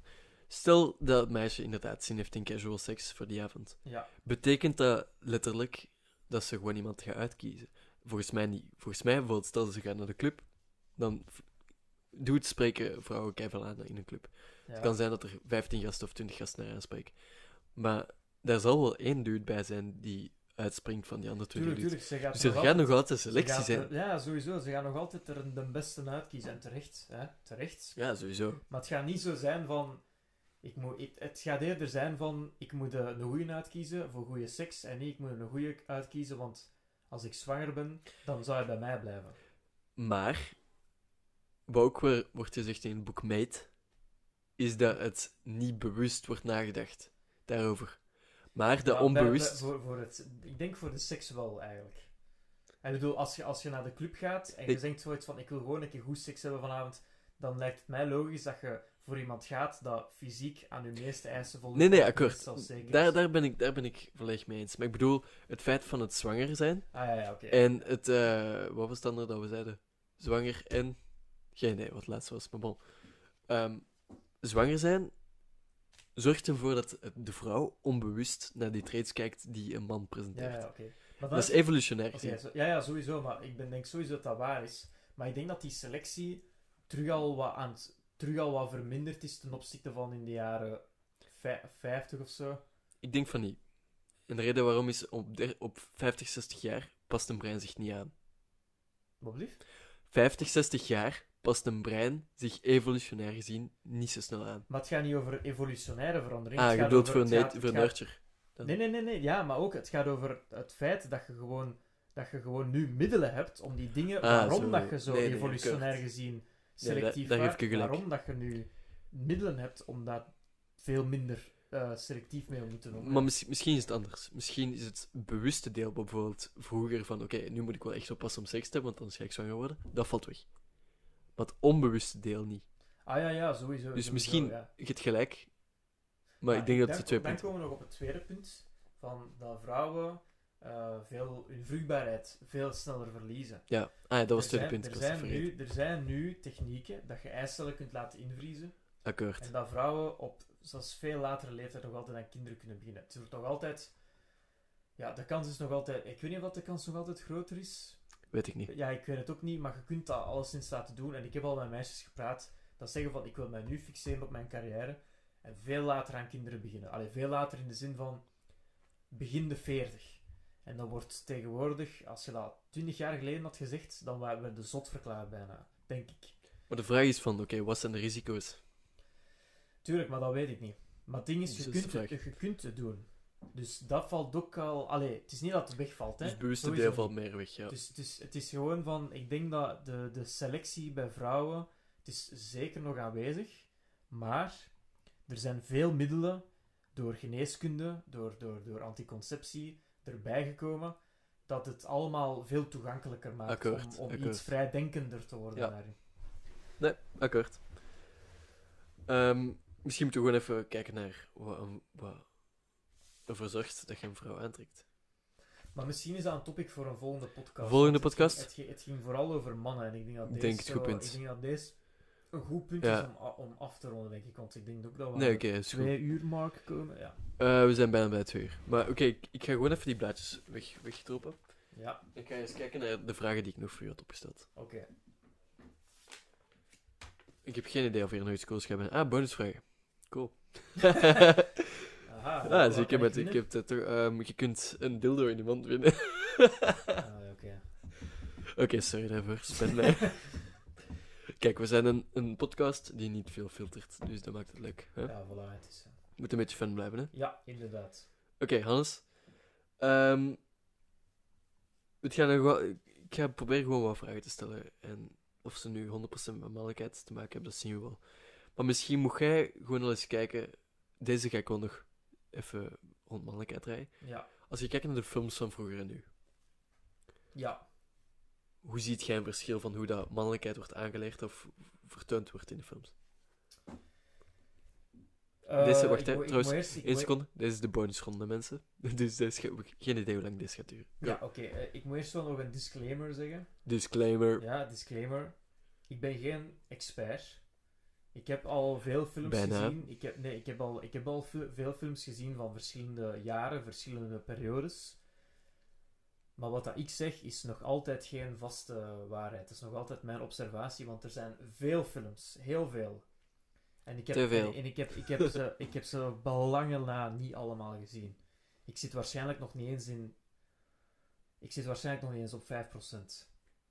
Dus ik kan mijn observatie maar leggen op die 5% dat ik al heb gezien. Dus wat, technisch vind- gezien nog altijd veel films is. Hoeveel films worden er per jaar uitgebracht? Dat zou ik niet weten, maar dat zijn er veel. Dat zijn er heel veel. Zeker als je naar heel de wereld kijkt. Want je kunt, je kunt kijken naar de wereld, je kunt kijken naar Hollywood alleen. Pak de wereld. De wereld, Een paar honderdduizend. eh, ja, dat misschien niet zoveel. Ik denk toch, pak ongeveer elke dag één. Elke dag. Dat echt zo een, een goed budget en een goed bereik heeft, toch? Niet gewoon zo'n studentenfilm. Nee, oké. Maar echt zo elke dag één, denk ik. Dus 1 maal 365 maal 70 of zo, of 80. Ja. Dat is toch wel wat, hè? Oké, maar dus mijn go. observatie. Ehm, ik vind, om eerlijk te zijn, dat de, je zou, de dag van vandaag zou je denken dat vrouwen vroeger in Hollywood een heel, heel onderdanige rol hadden. Maar ik heb dat eigenlijk nog niet vaak gezien. Zo, eigenlijk heb ik dat eigenlijk weinig gezien. De dag van vandaag of in het verleden? Dat je in het verleden dat vrouwen een onderdanige rol zouden hebben gehad in Hollywood. Ehm, ik vind dat dat niet echt aanwezig is. Ik heb al veel oude films gezien waar de vrouwen een, eh, een hoofdrol speelden, zelfs de hoofdrol speelden. Zoals Gone with the Wind. Dat is een film van, dat is, een, dat is echt een epische film van 4 uur lang, van 39. 1939. Dat gaat over eh, een, een, een, een soort van snobbige vrouw die opgroeit in de tijden van de burgeroorlog. En ze heeft slaven. En, ze moet die, en, en, het is dan eigenlijk zo een beetje hoe dat ze met die slaven omgaat, hoe dat ze met mannen omgaat, hoe dat ze met eh, haar vriendinnen omgaat en zo. Maar zij is de focus van de film. En ik vind dat. ehm, ja, ik vind het gewoon, ik vind het gewoon zo eh, interessant, omdat dat, die film wordt wel beschouwd als een van de beste aller tijden. Van, en zeker van Hollywood, als je naar Hollywood-films kijkt. Het is zelfs nog controversieel, omdat het gaat over slavernij. En het is misschien soms wel een beetje grensoverschrijdend om dat, op dat vlak, omdat er wel veel stereotypen voorkomen van, van, van de black community en zo. Ehm, het is ook de film waar dat, eh, er, eh, de eerste Afrikaanse vrouw een Oscar van heeft gewonnen. Voor, Cool. voor beste supporting actress. Ehm, maar ook daar, wat ook wel interessant is, daar was ook heel veel protest tegen van de black community. Omdat zij zogezegd een stereotype speelden. Ook mensen dat op straat kwamen zeggen van dat is niet hoe dat wij gerepresenteerd willen worden en zo. Dus zelfs dan waren er al veel protesten tegen Hollywood. Je zou denken dat dat zo heel eigen tijds is, maar dat is eigenlijk dat is echt al, dat is echt al van alle tijden protest. Protest tegen Hollywood, dat is er altijd al geweest. Eh, maar terug naar vrouwen. Je hebt dan ook bijvoorbeeld een film als Citizen Kane, waar dan er wel een, een mannelijk hoofdpersonage is. En dat gaat, over zijn, dat gaat ook over mannelijkheid. Ook een hele interessante film om misschien een keer te kijken. Ehm, het is wel... wel- titel? eh, Citizen Kane. Het is een heel oude film, dus het is zo wat oudbollig. Maar het is wel een van de meest invloedrijke films ooit gemaakt. En het gaat eigenlijk over eh, de jeugd van een man. En dat hij zijn jeugd verloren heeft. En hoe dat hij dat projecteert op de maatschappij. Over dat hij eh, altijd autoritaire figuur wil zijn en eh, ook zijn rol met vrouwen dan.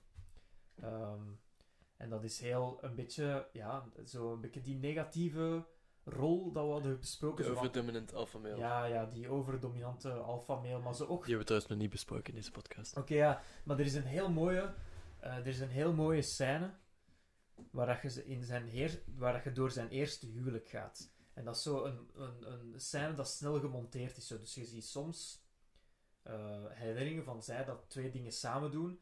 En er wordt altijd teruggesneden naar zij dat aan de ontbijttafel zitten. En ze beginnen naast elkaar. En dan hebben we een herinnering waar ze misschien een keer ruzie hebben of waar dat nog goed gaat. Dan gaan ze recht tegenover elkaar zitten. En dan zijn er terugherinneringen, waar ze misschien nog wat meer moeite hebben. En dan zie je, vanaf dan is de camera, zijn ze niet meer in hetzelfde beeld, maar zijn ze apart in beeld. Om echt zo die, die, allee, om echt zo die scheiding aan te tonen. Cool. En dan zie je die tussenscènes blijven gaan en ze op een duur ehm, zijn ze apart de krant aan het lezen, dezelfde krant. En op het einde zijn ze elk een krant aan het lezen, maar dus de man is eh, de baas van een krantenbedrijf. Dus hij leest zijn krant en de vrouw leest die van de, competent, eh, van de concurrentie. Cool. Eh, en op het einde is het ook zo dat de tafel zo lang is dat ze pakt vijf meter van elkaar verwijderd zijn. Dus ze zeggen gewoon niks meer tegen elkaar. En dat is op één minuut is dat gedaan, maar het vertelt zoveel en dat is zo cool. En zou je daarmee... Het is ook in de oude tijd, zou je daarmee iets kunnen zeggen over de oude manier van man zijn?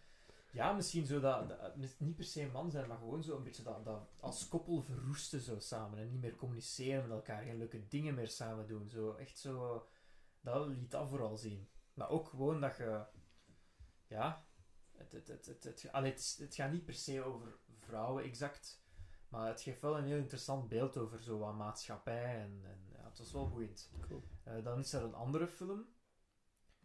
Eh, en dat noemt It's a Wonderful Life. En dat gaat over een, eh, dat gaat eigenlijk over een man die dat super depressief is. En er wordt een engel naar hem toegestuurd en de engel krijgt de opdracht: geef die man terug betekenis. Het nut waar we over daarnet hebben Ja, inderdaad. Inderdaad. wat is zijn conclusie daar? De conclusie heeft hij. De reden waarom, dat, waarom dat de, de man eigenlijk depressief was, is omdat hij zoiets had van: ik heb geen nut meer. Al mijn, mijn leven is om zeep. Hmm. Alles is in, in, de, in de- ik, heb, ik, heb, kan niks meer goed doen.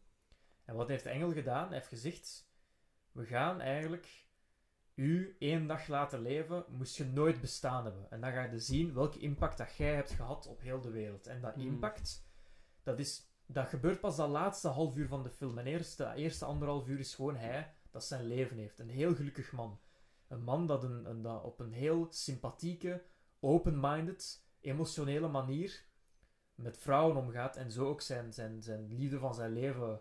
eh, dus echt op zo'n op manier dat je zou zeggen van dat je ook niet zo zou verwachten. Echt zo heel open, heel speels, heel tof. En ehm, ja, en op het einde ziet je dan eigenlijk welke impact dat hij heeft gemaakt op de wereld. En die is dan zo groot dat hij op die manier terug zo zijn nut krijgt. En dan begint hij ook veel meer ehm, energie te halen uit de kleine dingen. Dus echt een heel mooie film. Is ook oud, hè. Het is een film van, ja, ik denk 55 of zo. Dus, ehm, maar heel interessant. Ook omdat vrouwen daar ook niet zo stereotyp zouden worden afgebeeld als dat je zou denken bij oude films. Zijn er een paar lessen die je daar zou uittrekken? Ehm, zo een les waar ik achter sta, maar zo ook deels niet. En dat heb ik daar juist ook gezegd, is dat je zo van, van een beetje van dag tot dag moet leven. Maar ik vind dat dat een moeilijke nuance is, omdat je dan ook misschien te veel druk op je eigen kunt leggen dat je elke dag precies zoiets super speciaal moet doen. Maar de film zegt ook eigenlijk om te genieten van de kleine dingen. En dat is ook heel mooi. Dankbaarheid. Ja, want in de film, het, het mooiste voorbeeld dat ik vond, in, in het begin van de film, eh Red als klein manneke, eh, dus het hoofdpersonage, zijn broer uit het ijs. En daardoor heeft hij een oorontsteking. Niet de broer, dus hij, maar hij heeft wel zijn leven gered. En die, zijn broer, wordt later een eh, marine. En hij gaat naar het leger en hij, en hij zorgt ervoor dat ze een belangrijke battle kunnen winnen en hij krijgt daarvoor een Medal of Honor. Dus als hij zegt van, je zijt er niet, de engel zijt er niet, de broer was gestorven in het ijs, de, de battle is nooit gewonnen geweest, En, en, en zo, zo van die dingen zo. Dat is echt... Dat is zo cool. Ja, het is echt heel mooi. Echt een Ja. heel mooie film. En het eindigt echt super sweet zo. Echt heel... Ja, ik vind het echt eh, een aanrader. It's a Wonderful Life. Het, is, het wordt heel lang zo als de kerstfilm. Ja, kerstfilm. de kerstfilm aanschouwd, omdat de, de laatste scène, de dag dat hij zo niet aanwezig is, dat hij eigenlijk door de engel wordt aangesproken en zegt van, je, je, je wordt nooit geboren, speelt zich af op kerst, eigenlijk. Hm. Dus dat werd lang zo als kerstfilm eh gemarket, maar sinds Home Alone is Home Alone eigenlijk zo de top kerstfilm te kijken, zo gezegd. Kijk, je terug even verleiden. Ja. Ehm, Oké, net was de vraag nog eens van... Hoe zie je het verschil tussen... Ik ben gewoon even op mannen focussen, want ze zijn eigenlijk al twee uur en vijf minuten bezig. Ja, oké. Dus het verschil tussen vroeger en nu. Ja, met mannen. Maar dus waar ik eigenlijk Ik alleen zeggen met gaan- mannen, Waar ik ja. naartoe wil gaan is... Want er zijn zoveel interessante films. Maar waar ik naartoe wil gaan is dat er, eh, dat er vroeger heel veel films waren dat op enorm veel stereotypen afspeelden. Maar dat die vandaag nog altijd enorm aanwezig zijn. En maar dat er vroeger ook veel films waren dat dat niet deden. En dat zijn vaak ook de films dat meer eh, tijdloos zijn. Hm. En dat dat vandaag ook meer het geval is. Je kijkt naar een film als Her. Een film puur over mannelijke emotie. Puur. Dat was Puur echt een supergoeie film trouwens. Ehm, een film als Call Me By Your Name. Twee gasten, twee gasten dat liefdesgevoelens voor elkaar krijgen, gewoon op vakantie. Het is, het is, dat zijn de films dat zo een, een impact maken, voor mij ook alleszins. Maar het zijn ook de films dat zo meer een tijdloos karakter krijgen door de jaren heen. Voor Call Me By Your Name kunnen we dat nog niet echt zeggen, maar Her wordt al door heel veel forums aanschouwd als toch wel een klassieker van de moderne tijd. Dus ehm, Zeker nee. ik, ik, merk, ik merk echt wel dat ja, vandaag de dag, ja, Transformers, Fast and Furious zijn ook zo een beetje films dat meer inspelen op stereotypen en zo. Ehm, dus het is vandaag zeker nog altijd aanwezig. Het was vroeger ook aanwezig. Maar er, was vroeger ook nog er waren vroeger ook uitzonderingen en films dat dat niet deden. En dat zijn de uitzonderingen. En er zijn films dat dat nu vandaag ook nog altijd bestaan. Ik ben even een gedachte aan het, aan vormen. Hij is nog niet helemaal gevormd, maar ik doe mijn best. Dus eigenlijk, wat ik denk dan, en ik heb totaal geen idee van of dat klopt wat ik nu ga zeggen, maar de meest mainstream films projecteren dan die stereotype beelden. Ja, Plus, het zijn ook de films die door de meeste mensen worden gezien. ja, En het zijn mensen die meestal niet nadenken. Oh, no offense tegenover mensen. Mensen die meestal de reden, de iets reden minder nadenken De erover. reden waarom dat, dat zo is, is omdat die films gemaakt worden om een breed publiek te bereiken.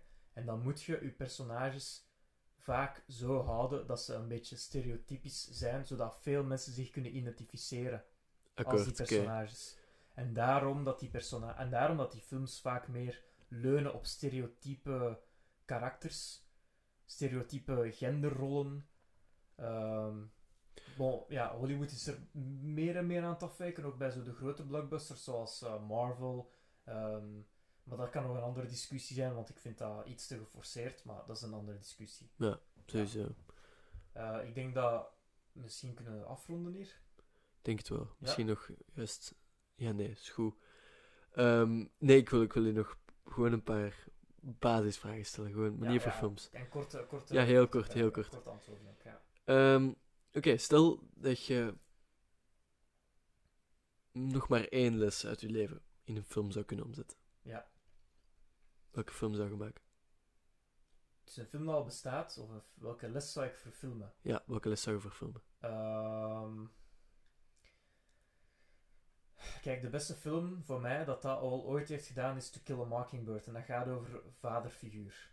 En hoe belangrijk dat, dat is, zowel voor dochter als voor zoon. Eh, en ik zou die film...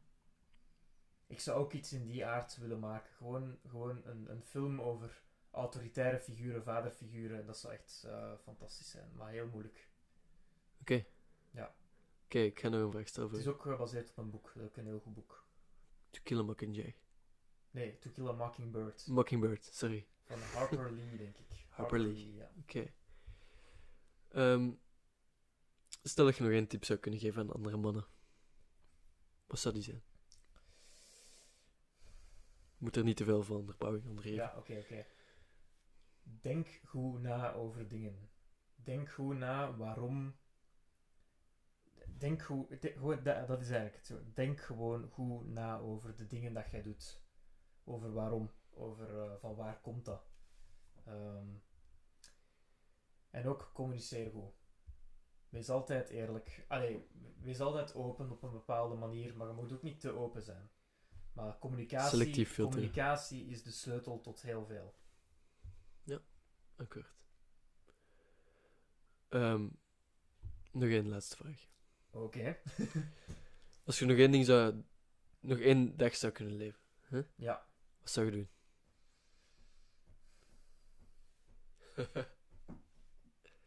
Kom, een gekke gedachte Ik zou, ik zou eigenlijk gewoon naar alle makers bellen dat ik ken, dat ik, waar ik heel fysiek tot aangetrokken ben en gewoon hun vragen van, hun het hun gewoon zeggen. En, eh, en ik weet niet of ik, ik zou het hun gewoon zeggen. Ik weet niet of ik erop zou ingaan, maar ik zou het hun wel alleszins zeggen. Dat is dus al iets wat ik zou doen. Wat zou je zeggen?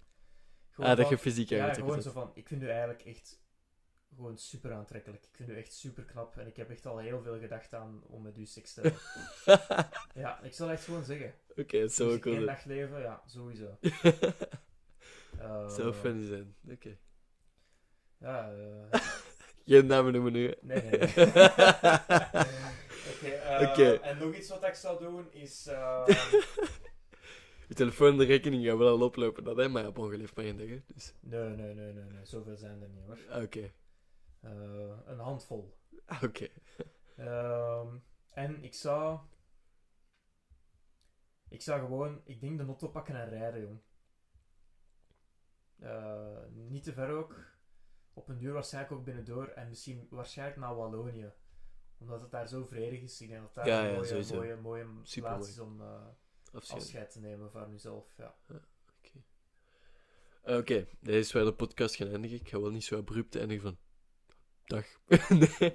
Oké, maar dank iedereen voor het luisteren. Als er nog mensen zijn die naar deze podcast luisteren, naar 2 uur en 11 minuten. Anders, we hebben hier echt onze... Ja, ja, ja, Eerste podcast, echt, eh, sneller dan ik dacht. Woe! Onze eerste podcast hebben we wel overtroffen, man. Yes, yes. Dus daar ben ik wel trots op onszelf. Er is nog wat Ik werk horen- aan onze... wat dat, eh, mensen ervan vinden, hè. Sowieso, ik zou zeggen, stuur het naar uw beste vrienden door. Misschien. misschien. Oké, we sturen het gewoon door naar wie dat je denkt Ja, dat je het ja, gevoel ja, hebt dat je moet doorsturen. Ja, goed. Ehm, wat wil ik nog zeggen? Ja, dus de drie vragen. Wie moet je zijn als man? Misschien is het ook eens goed voor u, degene die luistert, om hierover na te denken. Het tweede van, hoe ervaart jij nu in je leven? Misschien moet je ook eens kijken van, oké, wat is mijn missie? Ga eens terug naar die kinderjaren en zoek die dingen op. Schrijf, pak, een, pak een boekje, schrijf die dingen even neer. Ja, ja, ja. En als derde, hoe trek ik de, dat het andere geslacht aan? Ja, daar zijn we nog niet dieper op ingegaan, maar daar gaan we zeker nog een andere podcast over dat, maken. dat, dat, dat is een beter onderwerp voor een andere podcast. Ja, want dan zouden we nu echt aan drie uur zitten en dat zou niet zo nice zijn. Nee, inderdaad. Eh, Oké, maar ehm, ik denk dat we een eh, mooi resultaat vandaag hebben neergeschreven. Ik denk dat sommige dingen nog wel genuanceerder konden. Maar ik- Sowieso, sowieso. Ik denk, ik denk we zijn goed bezig voor onze eerste podcast. Dus Ja, proficiat Hans. Dank u wel, jij hebt het ook goed gedaan. Goed gedaan. Ook. En merci om te luisteren, die je dan nu nog aan het luisteren zijn. What the fuck? Doet jij met je leven, maar misschien vond het zo interessant dat ze dachten van oké, we blijven. Dus als jij het super interessant vond, en, en misschien kun je ook eens de reden posten waarom je het super interessant vond. Misschien Ja, was het gewoon omdat Hannes een super geile stem heeft. Contacteer ons sowieso en, en, en geef feedback. Alleszins. Ja, Sowieso. Ja, dat zou wel geapprecieerd worden.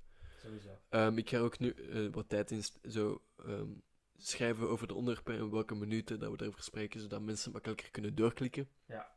Gaat makkelijker zijn. Ehm, ik zou als laatste zeggen, deze.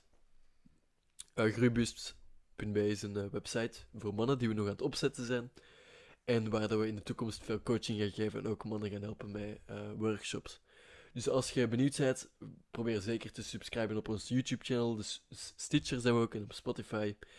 En ehm, volg ons gewoon. En dan kun je later misschien ook nog profiteren van workshops en producten. Ik, ik ga het wel een keer proberen. ja. Dus Sowieso. eh Hannes gaat sowieso al met de seksworkshop meedoen.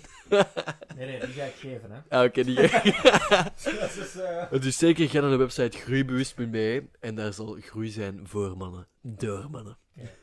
Dank u om het, voor te luisteren. Dank iedereen en mag ik jullie weer zien in de toekomst. Hannes, bedankt om te komen. Ja, graag gedaan. Merci om mij uit te nodigen. En wij zien jullie binnenkort snel weer. Dit is Thomas van Haagt, jullie host. En dit was Hannes, jullie gast. Dank u wel.